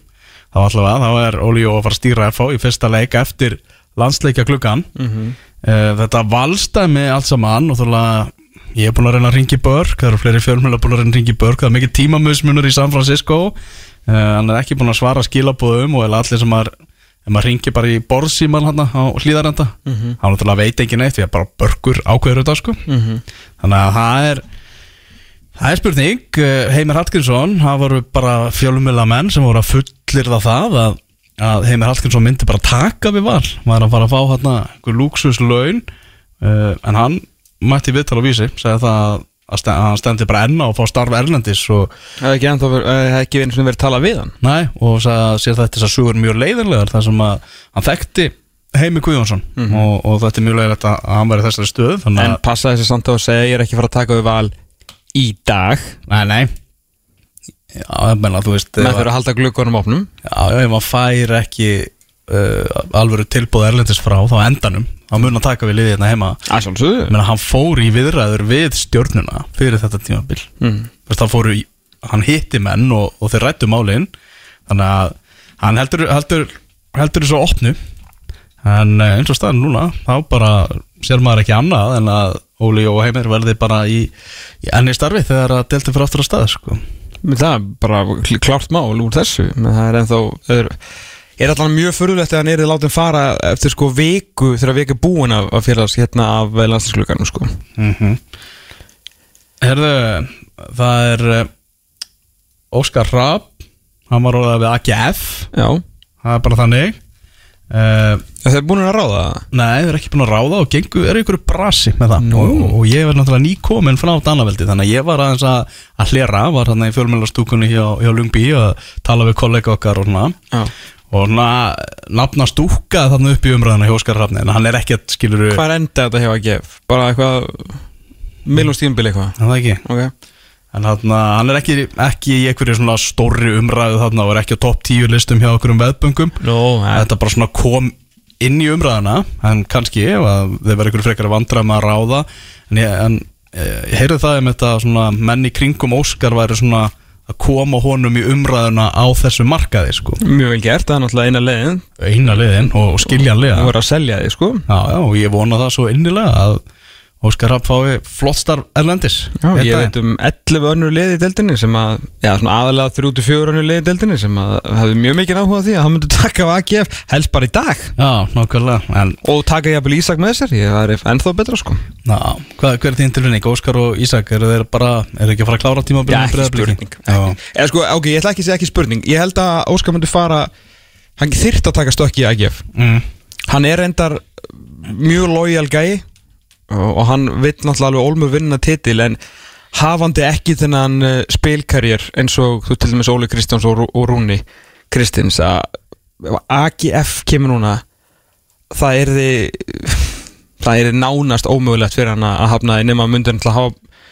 bara stefna því að vinna hérna báða dollurnar hérna heima og hérna reyna að gera sig eh, ennþá svona meira spennandi fyrir haustið. En skulum ekki gleyma því að náttúrulega þá er Norrlandaboltinn sko nýbyrja, svona segja ekki nýbyrja en farin á stað, komin vel á stað í Danmarku og þetta getur þá menn verið að tapa, tapa störfum en svo hann er kannski líka komin, komin mjög langt á þér, þetta er ekki svona brottrestar tími sko, af því að þegar íslenska deildin er að klárast og þá kannski þá er hann voða heitur en þá er menn með störfi, ég held að sé svona ekkit rosalega fælur gluggi til að selja sig. En ég meina það væri já, þetta, ég myndi eiginlega ekki óska Óskari Hrafni þess að þurfa að taka þessa ákvörun núna á næstu viku með blikana með, með, áttastega fórskot búin að vinna alla fótballtaleikina og stefni eitthvað drauma sumar að ná svona einhverjum hápunkti af þessari þryggja fjörur að veru hans þarna. En hvernig ég anskotunum ætti hann að segja við AGF Nei. En eins og ég segi, eins og staðinu núna þá er hann alls ekki líklegur til að taka AGF Nei, nei, sem er bara gott fyrir, gott fyrir blikana og líka verið bara mjög gott fyrir Óskar að klára hennan titil, fá hann á félagsgrána klára þetta tímabil, mögulega vinna tvöfalt. Þannig að, þú veist, já. Já, en voru þetta bara helst nafnið að áfram að já, bara dúka upp og vera með í, í svona þessari umræðu allavega að einhverju leiti Já, náttúrulega kemur að Evropaleikin hjá blikunum sem voru væga sagt impressiv á, á síðustu leiktíð, þú tala ekki um ef þeir eiga annað hérna, annað eins Evroparönn með svona flottu framistuð og mæta bara einhvern veginn og spila bara fótbolta við þessi lið og gera það sem að þeir gerðu svona ógeðslega vel á síðustu leiktíð og það náttúrulega stækkar líka prófílin Ég er ekki síður spenntur líka fyrir sko Evrópu viðtölunum við Óskar því að eins og við fengum að kynast í fyrra. Þau eru öðruvísi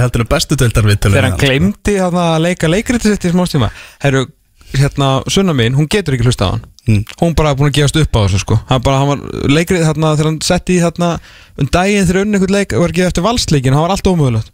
Og ég bara vona að þetta fari vel saman bara herru, veist að vinna 6-2 ekki aðeins að, ekki að lega okkur að brosa sko Það kemur Evrópu Óskar og þá koma Þá koma sleggirna sko. Helvítis afhetting getur ekki nöytt sko.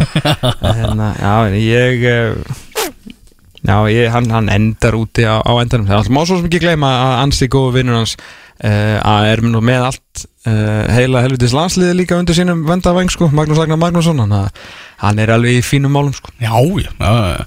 En svo var náttúrulega tíðandi brottrekstur í, í lengjudeildinni, skal ég segja ykkur? Já, að Eður Ben láti hann taka pókan sinn hjá þrótti vógum, þessi ungi þjálfari sem að fór í ansi stóra skó af Hermanni Freyðarsinni sem að náttúrulega var gátt ekki verið mikið stærri. Já, var algjörlega búin að eirna merkja þetta lið sér og svo mæ- mætir hérna Eður Ben sem að svona, tók sinn tíma þessi þjálfaralegt hjá, hjá þrótti vógum en hann er látið fara eftir bara fjóra leiki. Voru enga væntingar hjá þrótti vógum ég menna ekki allavega með að við spár og, og allt hannig en samt sem aður þá er hann látin taka pókansinn og hver er ástæðan fyrir því?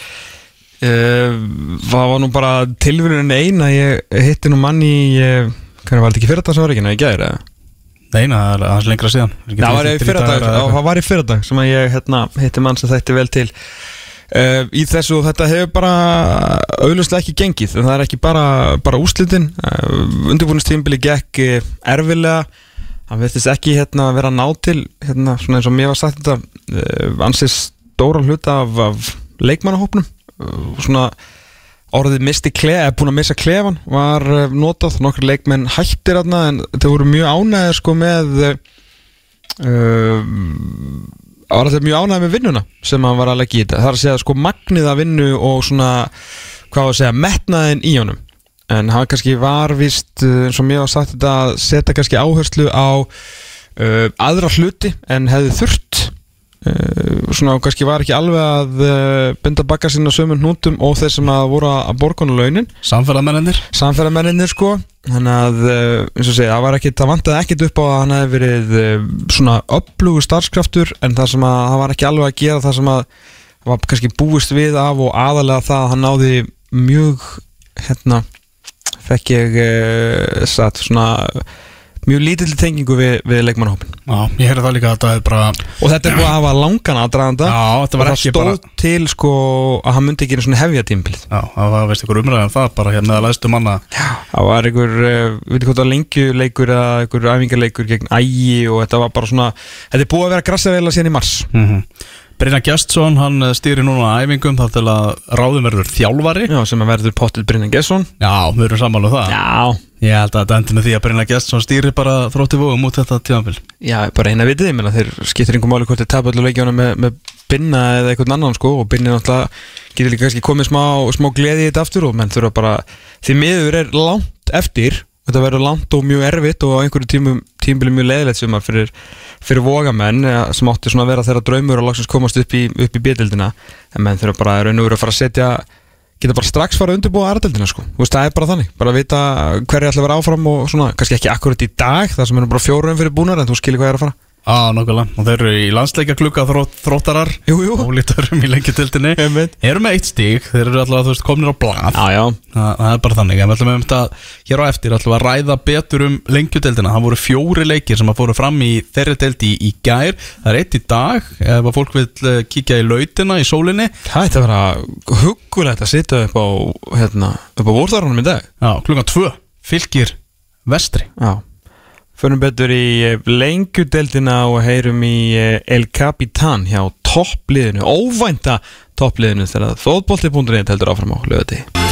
Já, þá er rúmur hálftíma eftir af útastættinu fótbolti.net lögadaginn 4. júni og við ætlum að fara að gefa lengjudeldinni gaum. Eh, Það voru fjóri leikir sem að fóru fram í deldinni í gær og þar á meðal var leikur Norðan Heiða þar sem að Þór og Selfoss áttust við þar sem að Selfoss vann 2-0 út í sigur Gonzalo Samorano sem er bara svindlkall í þessari bjödeild og svo horfið Tókitt sem að skoruðu mörkin og selfisingar halda áfram á, á flugi. Þeir eru taplausir í deildinu eru í efsta sæti. Er að fara frábærlega stað, Thomas Já, þeir eru bara líklega það liði efstu tveimur deildunum á Íslandsmóndunum sem hafa komið hvað eh, mest og óvart og, og fyrir einhvern veginn allar réttar ástæður. Voru afskaplega einhvern veginn dabri fyrir að náða að halda sæti sinu voru skelvilegir að, að verjast. Vera að segast fengi á sig akkurat tvö mörg beða meðaltali í leik og ekki gætum Gary Martin eins og góður og hann var nú í fyrra veginn áða að draga þá í gegnum það en uh, á þessar leitið teki varnarleikin veruleg gegn eitt að vera að fá sig undir marka meðaltali leik skora samt nóg með þessa ókvanlegu uh, þetta ókvanlega þrýgisetna frá Megas uh, Tókitt svo, svo Gonza sem er komið frábælega inn í þetta hjá, hjá selfisingum mm, Það er eitthvað að segja með það, Kari Martin sé að sleikja sólina akkurat núna einhvers staðar. Kemur ekki ávart Já, það kemur, kemur lítið ávart Þarna maðurinn með bandið, fyrirlegin sjálfur Nei, Nei. mistum á honum hann Líklega sleikja sóluna hans vel Spurning hvað það sé að dæma á Er ekki að móta selfosinu núna? Jó, Nei, það er næstu helgi. Nei, það er núna Er núna? Það er eitthvað mót, þarna litli frendi minn er að, er að gefa það, rólegur Já. Svo þessi annar móti næstu helgi þarna sem kemur í staðin fyrir sjálfmótið því að þetta er orðið þannig í dag sko þú fær ekki að fara á sjálfmótið á báðum árunum Já, á yngra ári ferðu á eitthvað selfosmót og eldra ári þá uh, ferðu á uh, uh, ringi aftur bara, segi kjallin Já. rétt mistaður erum að reyna á í Gazbov uh, sem að uh, gerði nýjan, þryggja ára samning við selfosingana líður ansi vel þarna kallinum og búin að standa sig fanta vel, fundur sér, fundur sér heimili á uh, selfossi. Mm það var reynskilin í viðtali við .net eftir, eftir leikin í gær, það er rót að segja það Gaz? Já. Talaði um það að hann bara hann var tekinn hann af velli og hefði mögulega átt að fá raukt spjald og, og hefði verið slakur og ég veit ekki hvað og hvað sko. En eitthvað gengur okkur illa samt að ná kallin Já, þetta var alltaf á símkerfið það Welcome to the E. Já, uh, Hvað er talulóttur á ennsku? Þetta er fa- voicemail Jú, það er rétt þér. Þetta er frábært út af sko. Það er kannski átt að ringja hann bara án og lægi var búið Það er kannski verið heldur snöðut sko. Já, Það er bara að býða með hann eh, á línni Eða sem sé viðbútið það já, við skulum að þetta. Það er með ennst númer sko. Hann er bara að búa hérna síðan tíu ári eða eitthvað sko. Já, hver er ástæðan fyrir því? Ég veit það ekki, bara senda hann ykkur að grenja hlátri kallar í gerð Hvað þetta væri skrítið hjá hann sko. En hann Í augnablikinu næst ekki. Nei, herru, það er bara þannig Já. hérna, Þá bara reynum við aftur og eftir það ekki? Já. Þannig að bara förum aðeins já yfir, yfir þetta. Byr, Byrjun þessar að tveggja liða á tímabyrnu Við sáum þóstar að vinna kórtringi í fyrstu umferð. Og þá hugsaði maður bara, veist, jú, jú það er, Maður dregur oft stóra álítanir Svona rétt í, í byrjun móts En þá hugsaði maður bara, bara þóstar að fara að gera tilkassu þess að fara upp úr þessari delt Því að við höfum talað marg oft um það að annar sæti í deltinni er allavega gal opið svona með við það að allir að spá fylki sigri í þessu.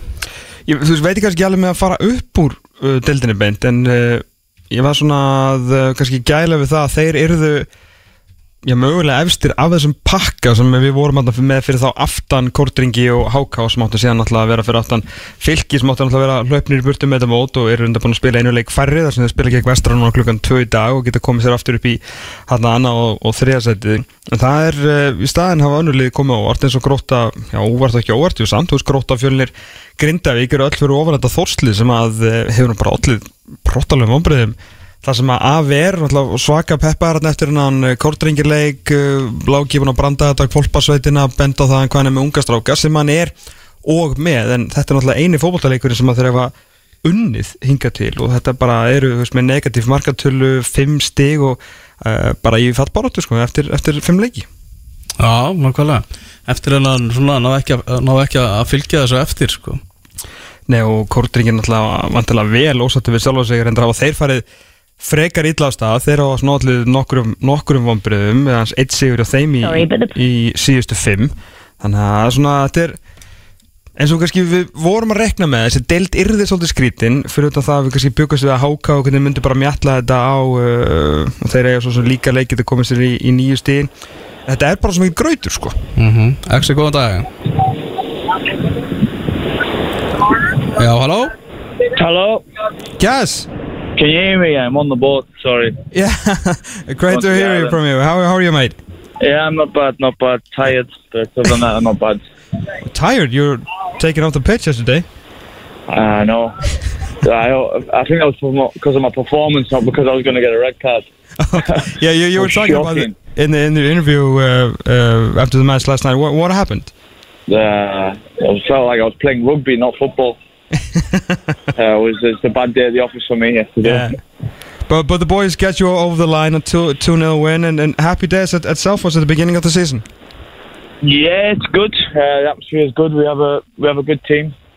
Uh, there's a good atmosphere in the group. Obviously, you have a mix of young guys and, and old players, so it, it works well. Uh, the young guys are, are fantastic. Uh, they've come on leaps and bounds since last year, so it, it, it, it's really good for everybody. And uh, the women's team's doing well, so the town has a good good atmosphere. Yeah, yeah. But what is the, what is the main reason for, for this fantastic start? I mean, a good group, uh, okay, fine. I mean, you have you have this fantastic trio of you, Ganzi and and, and Tokic, but you know, going from a pretty disappointing season to this fantastic start, what is the main difference? You think? Uh, oh, there's a, there's a few things we we have. You know, people look on paper, they see me, Gonzi, and Tokic, and Yeah. they underestimate our Icelandic players. And we have probably the best best keeper in the league, in my opinion, uh, and probably the best young goalkeeper in the country. He's he's amazing, along with uh, Steppy, along with Jon Vigner in midfield. Uh, and these two guys are both 18 years old, and I think people look at them, they don't know who they are, and they get a big shock when they see him. Like yesterday, Steppy was by far the man of the match, along with our two centre halves. Uh, but our young players, like we, we have a, a right winger playing left back. Like we don't even have our best team yet, which is which is crazy to say, and we're top of the league. Yeah. So I think these two uh, they play a massive part in us being so successful because I don't think people don't see them as names, and they come into a game. Ah, he's a young kid, he's a young kid, but they're, they're the two best players, young players in the league by by a million miles. All right, all right. Uh, I mean, and you turn things around, especially defensively. I mean, going from what 44 goals, goals conceded in 22 last season, with uh, you know under a goal conceded now. So you don't have to score two or three a game. It, it must give you a lot of confidence, you know, having those guys at the back, you know, playing good defense.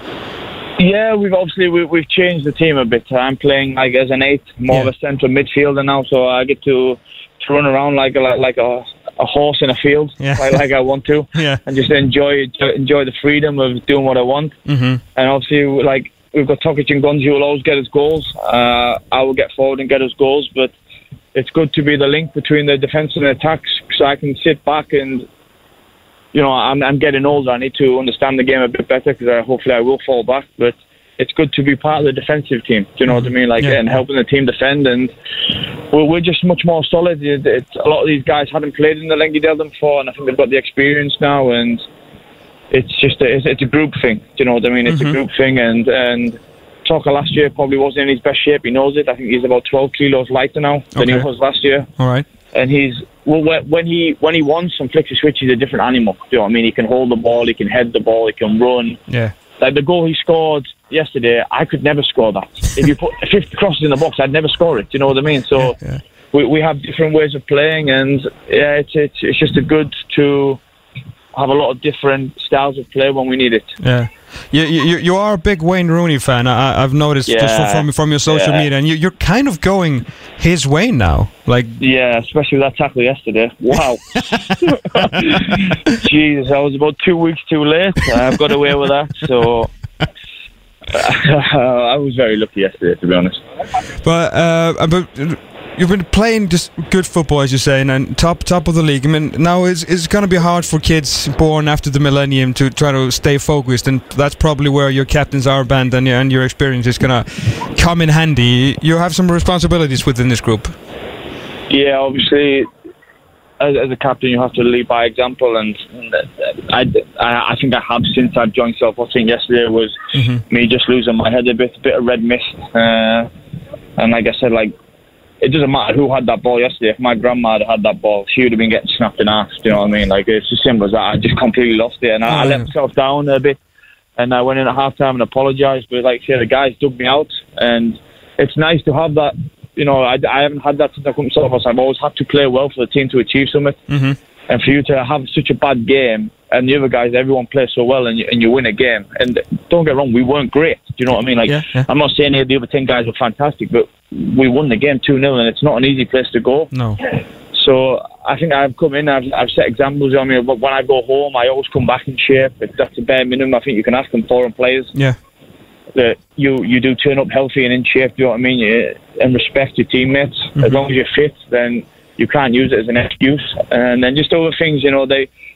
It's nice that they, they look at me and and you see they respect you. I think it's it's also a good thing for you, so you, you keep your standards high. Mm-hmm.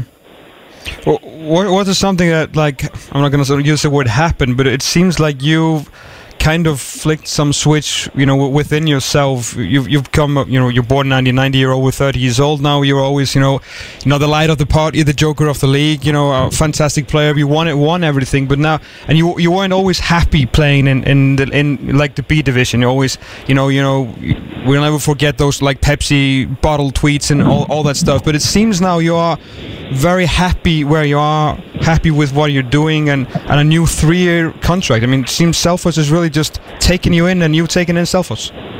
Obviously, well, yeah, you always get that itch, you know, to play back in the top league. I do get the itch. All I'm right. not gonna lie. I'm not, I'm not a liar. I go and watch all the games, and you Of think. I, I, I know I belong in that league. I know it, but Yeah. irrelevant what everyone, irrelevant what everyone else thinks. I know I belong in that league, and uh, I can fight with all them guys. But Mhm.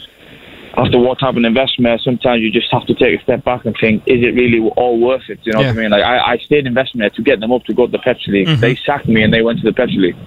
Yeah, yeah. Do you know what I mean? I had to Yeah. then find a team before the season. Obviously, people don't understand the situation I was in. You you're getting sacked one week before season. All the teams have spent the money, and I'm not gonna. I'm not a cheap player. Do you know what I mean? Like I have standards. do you know what I mean? And so And you've earned it.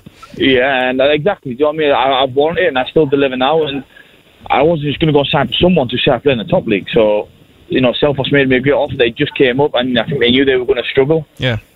And and I delivered. You know what I mean? We, we stayed in the league, and I enjoyed living there. Do you know what I mean? It's, it's a great place to live. You're close to Reykjavik. I think when I was living on the island, don't get me wrong, I lived on the island in the summer, and it's a great place to live. Yeah. It is. Like I'm on my way there now to help. I have kids who I help with autism. I'm on my way there now. Like the island is fantastic to be there Mhm. But you and you get sucked into it. Then when you get a new lease of life, being in Reik, like near Reykjavik and in Selfoss, the town's growing. Mhm. It just made me realise that football isn't everything. It's sometimes better to be happy off the pitch and and enjoy what you have instead of always being football number one. And like I say, with Dino and that, and the town, and the board, it, it just yeah, it felt right to stay there and sign. Of course, I I would love to take them up, and you do get the itch. You you always want to play in the top league, but like I say, it's more important to be happy than than, than go and then try and do something you've already done again. Do, do you think, I know it's maybe an unfair question and probably you can't answer it uh, right now, but if Selfos don't go, you have a great season, but you end up third or fourth or whatever, which would, even though, be a good season for Selfos, everybody knows you're a fantastic player. Someone comes in for you next season. Do you think you would leave Selfos if, because you're talking about the ditch? You think that could have happened, but or, are you going? Is your main goal now trying to get Selfos up to the to the top league? Uh, yeah, but we didn't expect to. I don't think anybody expected us to be in this position. No, uh, no. We knew we had a good team. We, Yeah. we know. I, I know we had a good team, and that, uh, like, I, I know if we're disciplined, we will score goals. We have the best front three in the league by a country distance. Yeah. And I think we've got a better front three than some of the Pepsi teams, in my in my opinion. Like how IBV let Gonzi go, I will never understand. Yeah, yeah. I can't believe for the life of me that they didn't keep him. And I heard a rumor that he wasn't going to stay. Yeah. So I told Dino straight away. That was in the middle of last year. Mhm. Said we have to get him. I know what he can do for us. And like, I'm the kind of player I don't care about scoring in this league. You know what I mean? I like I'd rather my team win and everybody else play well. But when I'm in the top league, it's for me it's about scoring. You know what I mean? Like that's how it is. Mhm. But uh, I, there was interest after last season. Do you know what I mean? And I felt that it was it's not the right team. It's not the right challenge. Mhm. But uh, you can never say never. I would never say no. I'm definitely going to stay in Self Selfos for the rest of the uh, for the whole contract. Yeah. But the plan is obviously to try and get them up, and the plan would have been next year, but they've changed all the rules. So I think it's going to be quite hard. So we're probably going to have to go for it this year. Okay. But you never say never. No, of, of course you can. Uh, you spoke to football.net after the after the match last night, and you said you didn't have the best coach in the league. You had the very, very, very best coach uh, in the league. Some big words. There are some, of course, there are some newcomers in, in the coaching division in this league, but you also have some real stalwarts. Uh, well, explain a bit better. What, what makes Dino the very, very, very best? Uh, for instance, if you put, I know if any other coach come into Selfos, some of these young kids would never get a chance. So they would never get a chance to show themselves. Mhm. You know, we have Aaron Ainers, he's maybe five foot four. A coach would look at him and say, "You're not playing," because you, you just look at him and he's not going to he's not going to play. Mhm. He's for me. I remember a game last year. He played against Vestry Nacho Gill, and he just took him out the game. Mhm.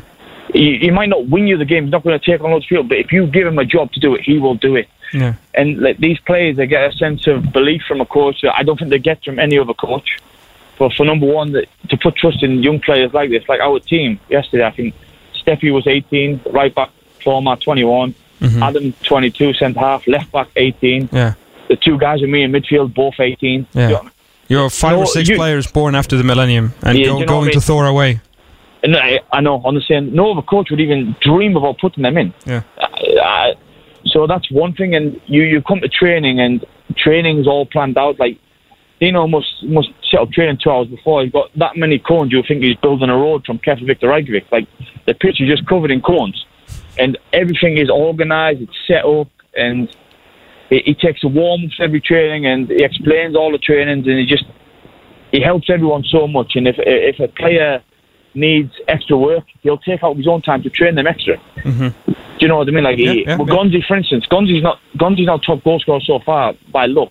Every Wednesday morning at nine o'clock, Dino was teaching him in the winter to come in and shoot. And like, this is not just by chance. This is comes from work. Yeah, yeah. And you know what I mean? Dino's willing to give give players extra whenever they need it. He'll get up and take you to the gym at six in the morning, which he has with some players who are injured. Mm-hmm. No, no other coach is doing that for me in the whole country, to be honest Yeah, fair, because he wants his players to improve. He wants young players himself to improve, and he just he's a fantastic coach, and he's a and he's a and he's a great guy to, to work under. Yeah, great stuff. Uh, before we let you go, uh, we were always hoping you would learn fantastic uh, Icelandic so you could be a pun- pundit here for 20, 30 years.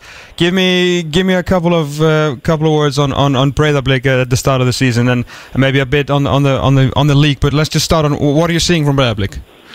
For the, the just I don't think any team can live with them. To be honest, Yeah, I feel that like they just got switches that they can just flick. Like I remember against Fram, they were winning two 0 Fram scored, and then they could have won and scored another two. Like they just like it's like they have gears that they can just flick.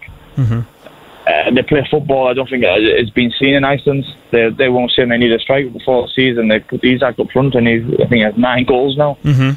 I just I think because they're, they're so young and they have so much energy and they can all get around the pitch. They play at a different tempo to anybody in the league.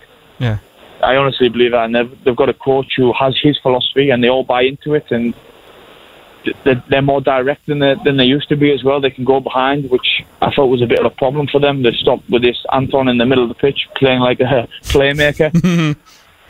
so I, I, I just I don't see anybody beating them to be honest. From what I've seen so far, they, maybe if they lose a lot of players, because I think a lot of players will attract interest in in the window, but. I don't see anybody beating them. I think they're the team to beat, and yeah. they, they could go on season, the whole season unbeaten, in, in my opinion. What I've seen. Is uh, is Isaac Snyder's physique is it the best one we've seen since prime Gaspov?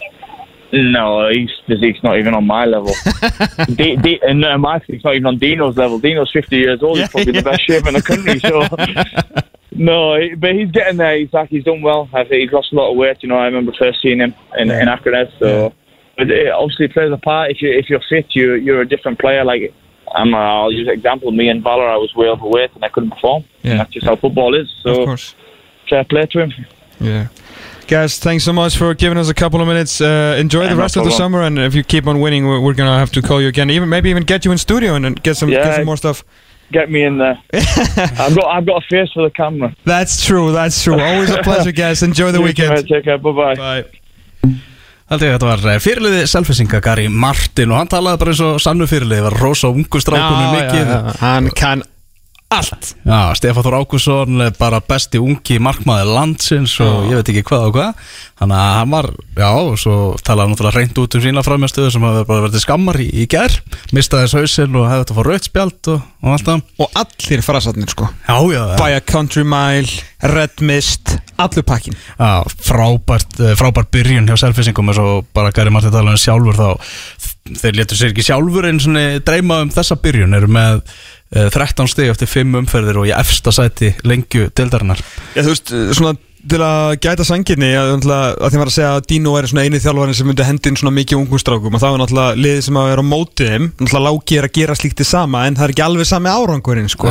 Þannig að það er kannski, það kannski munurinn. Það eru kannski fleiri þjálfarar sem að vilja og þóra nýta hérna yngri leikmenn en að vera með, ég held að starti með 5 í gær fætta eftir 2000 Þór úti, alltaf klass, klassísk klísja, erfur út af öllur en það er ekki bara það, þú veist, þeir eru búin að vinna fjóra og ekki rétt ettibli, er, þeir eru búin að vinna fjóra af fimm leikjónum sínum og aðeins búin að fá þessi fjögur mörk í 12 leikjum eftir að fá þessi 44 í 22 í fyrra, heldur betur búið að taka til uh, hann aftast og, og Stefán var ekki góður í fyrra sko. Og alveg sko til að orða nota gasorðin í þetta sko hafa bara munurinn á honum er núna, og núna sko. Þetta er bara country mile. Er country at the, maður at the end of the day it's just football, you know what I mean? Já, algjörlega, við skiljum það. Erum við til um að sem kórdrengina stigasæftunulega ekki gengið á óskum hjá þeim gerðu eitt eitt jafntöflum mútið Grindavík í gær þar sem að Kristófi Páll Viðarsson sem er heldur betur verið heitur upp á annar skoraði beint úr aukaspinnu í Jósó Villar sem að jafnaði fyrir kórdrengi sá, sá spænski sem að komið upplugurinn sko ég hef séð slatta á kórdrengjum spilamennskan bara mjög góð hér og bara alveg takt við síðasta tímabili en uppskerna ekki svo sama sko. Nei, þetta er bara ólíkt þeim að vera ekki að harkin sigrana. Já, Það akkurat er svona eins og þeir hafi lent á einhvers konar vegg hvað varðar að vera alltaf ofan á í þessum baróttuleik Já, og komið svo yfir marklínuna Ég fór á leikin hefum á móti fjölni þar sem þeir jöfnu seint í leiknum. Og áttu síðan að vinna leikin Já, fengur svo tvö dauðafæri sem þeir nýtt ekki í, Þú veist, í fyrra höfðu nýtt þessi færi sko. Hvað, held, hvað heldur við að sé marga kórdrengjarleiki veist, á vellinum í fyrra? Svona 7, 8 Já, það var náttúrulega bara í garðinum heimi á mér hann í breiðoltinu Vissulega og svo fórum við að að allavega sjö ekki átta sem sagt fyrir utan alltaf sem að vera alltaf lengi ég er fann að sakna svolítið, mér finnst flott að hérna þessi ringbröðarsamningu sko og bara ánæður þetta er svona upphefið deildina en maður sá svo miklu meira á þessu á síðustu leiti þegar félagin voru líka senda hana. Mæntilega kemur það með þessu Já. OS-TV og allt í læg uh, og ekkert, að gagna neitt sko. Ég bara segja hérna maður var aðeins dýbri á því fyrir þegar maður sá þetta en svo sér maður mörkin í hérna í markaþættunum sem, er- sem er vel. En uh, punkturum minn var að ég held ég að segja ykkur 7-8 leiki og í svona 5 af þeim skoruðu þeir jöfnumark eða segumark á 90 sko. Veist, þetta var alltaf, maður vissi bara alltaf og Davíð hin- Smári fór á nén í, í já, já, bóðáklum og hinn liðin vissu líka alltaf að þeir var að fara að skora sko. Já. En það, það, er svona, það er það sem að aðeins vantar upp á núna sko. Mm Fjölnir vann þrjú að sigur á móti Kávaf í gær, Kávaf ennþá með núlstig á, á botni deildarinnar. Var erfið fæðingisvari á fjölnismönnum. Þeir komust yfir 2-1 á 7050 mínútu og skoru sérni upp á tíma hann þriðja markið, en þeir eru að fara bara nokkuð vel á stað fjölnismenn Já, búin að vinna þróttvógum Þór sem hefur gefnið fótballtaleik sinni fyrstu umferð og núna, núna Káfa finn tapa, gerði jættibli fyrir Kortringi sem var það sem hefðu getað tapað og fóru illa út úr fylgisleiknum.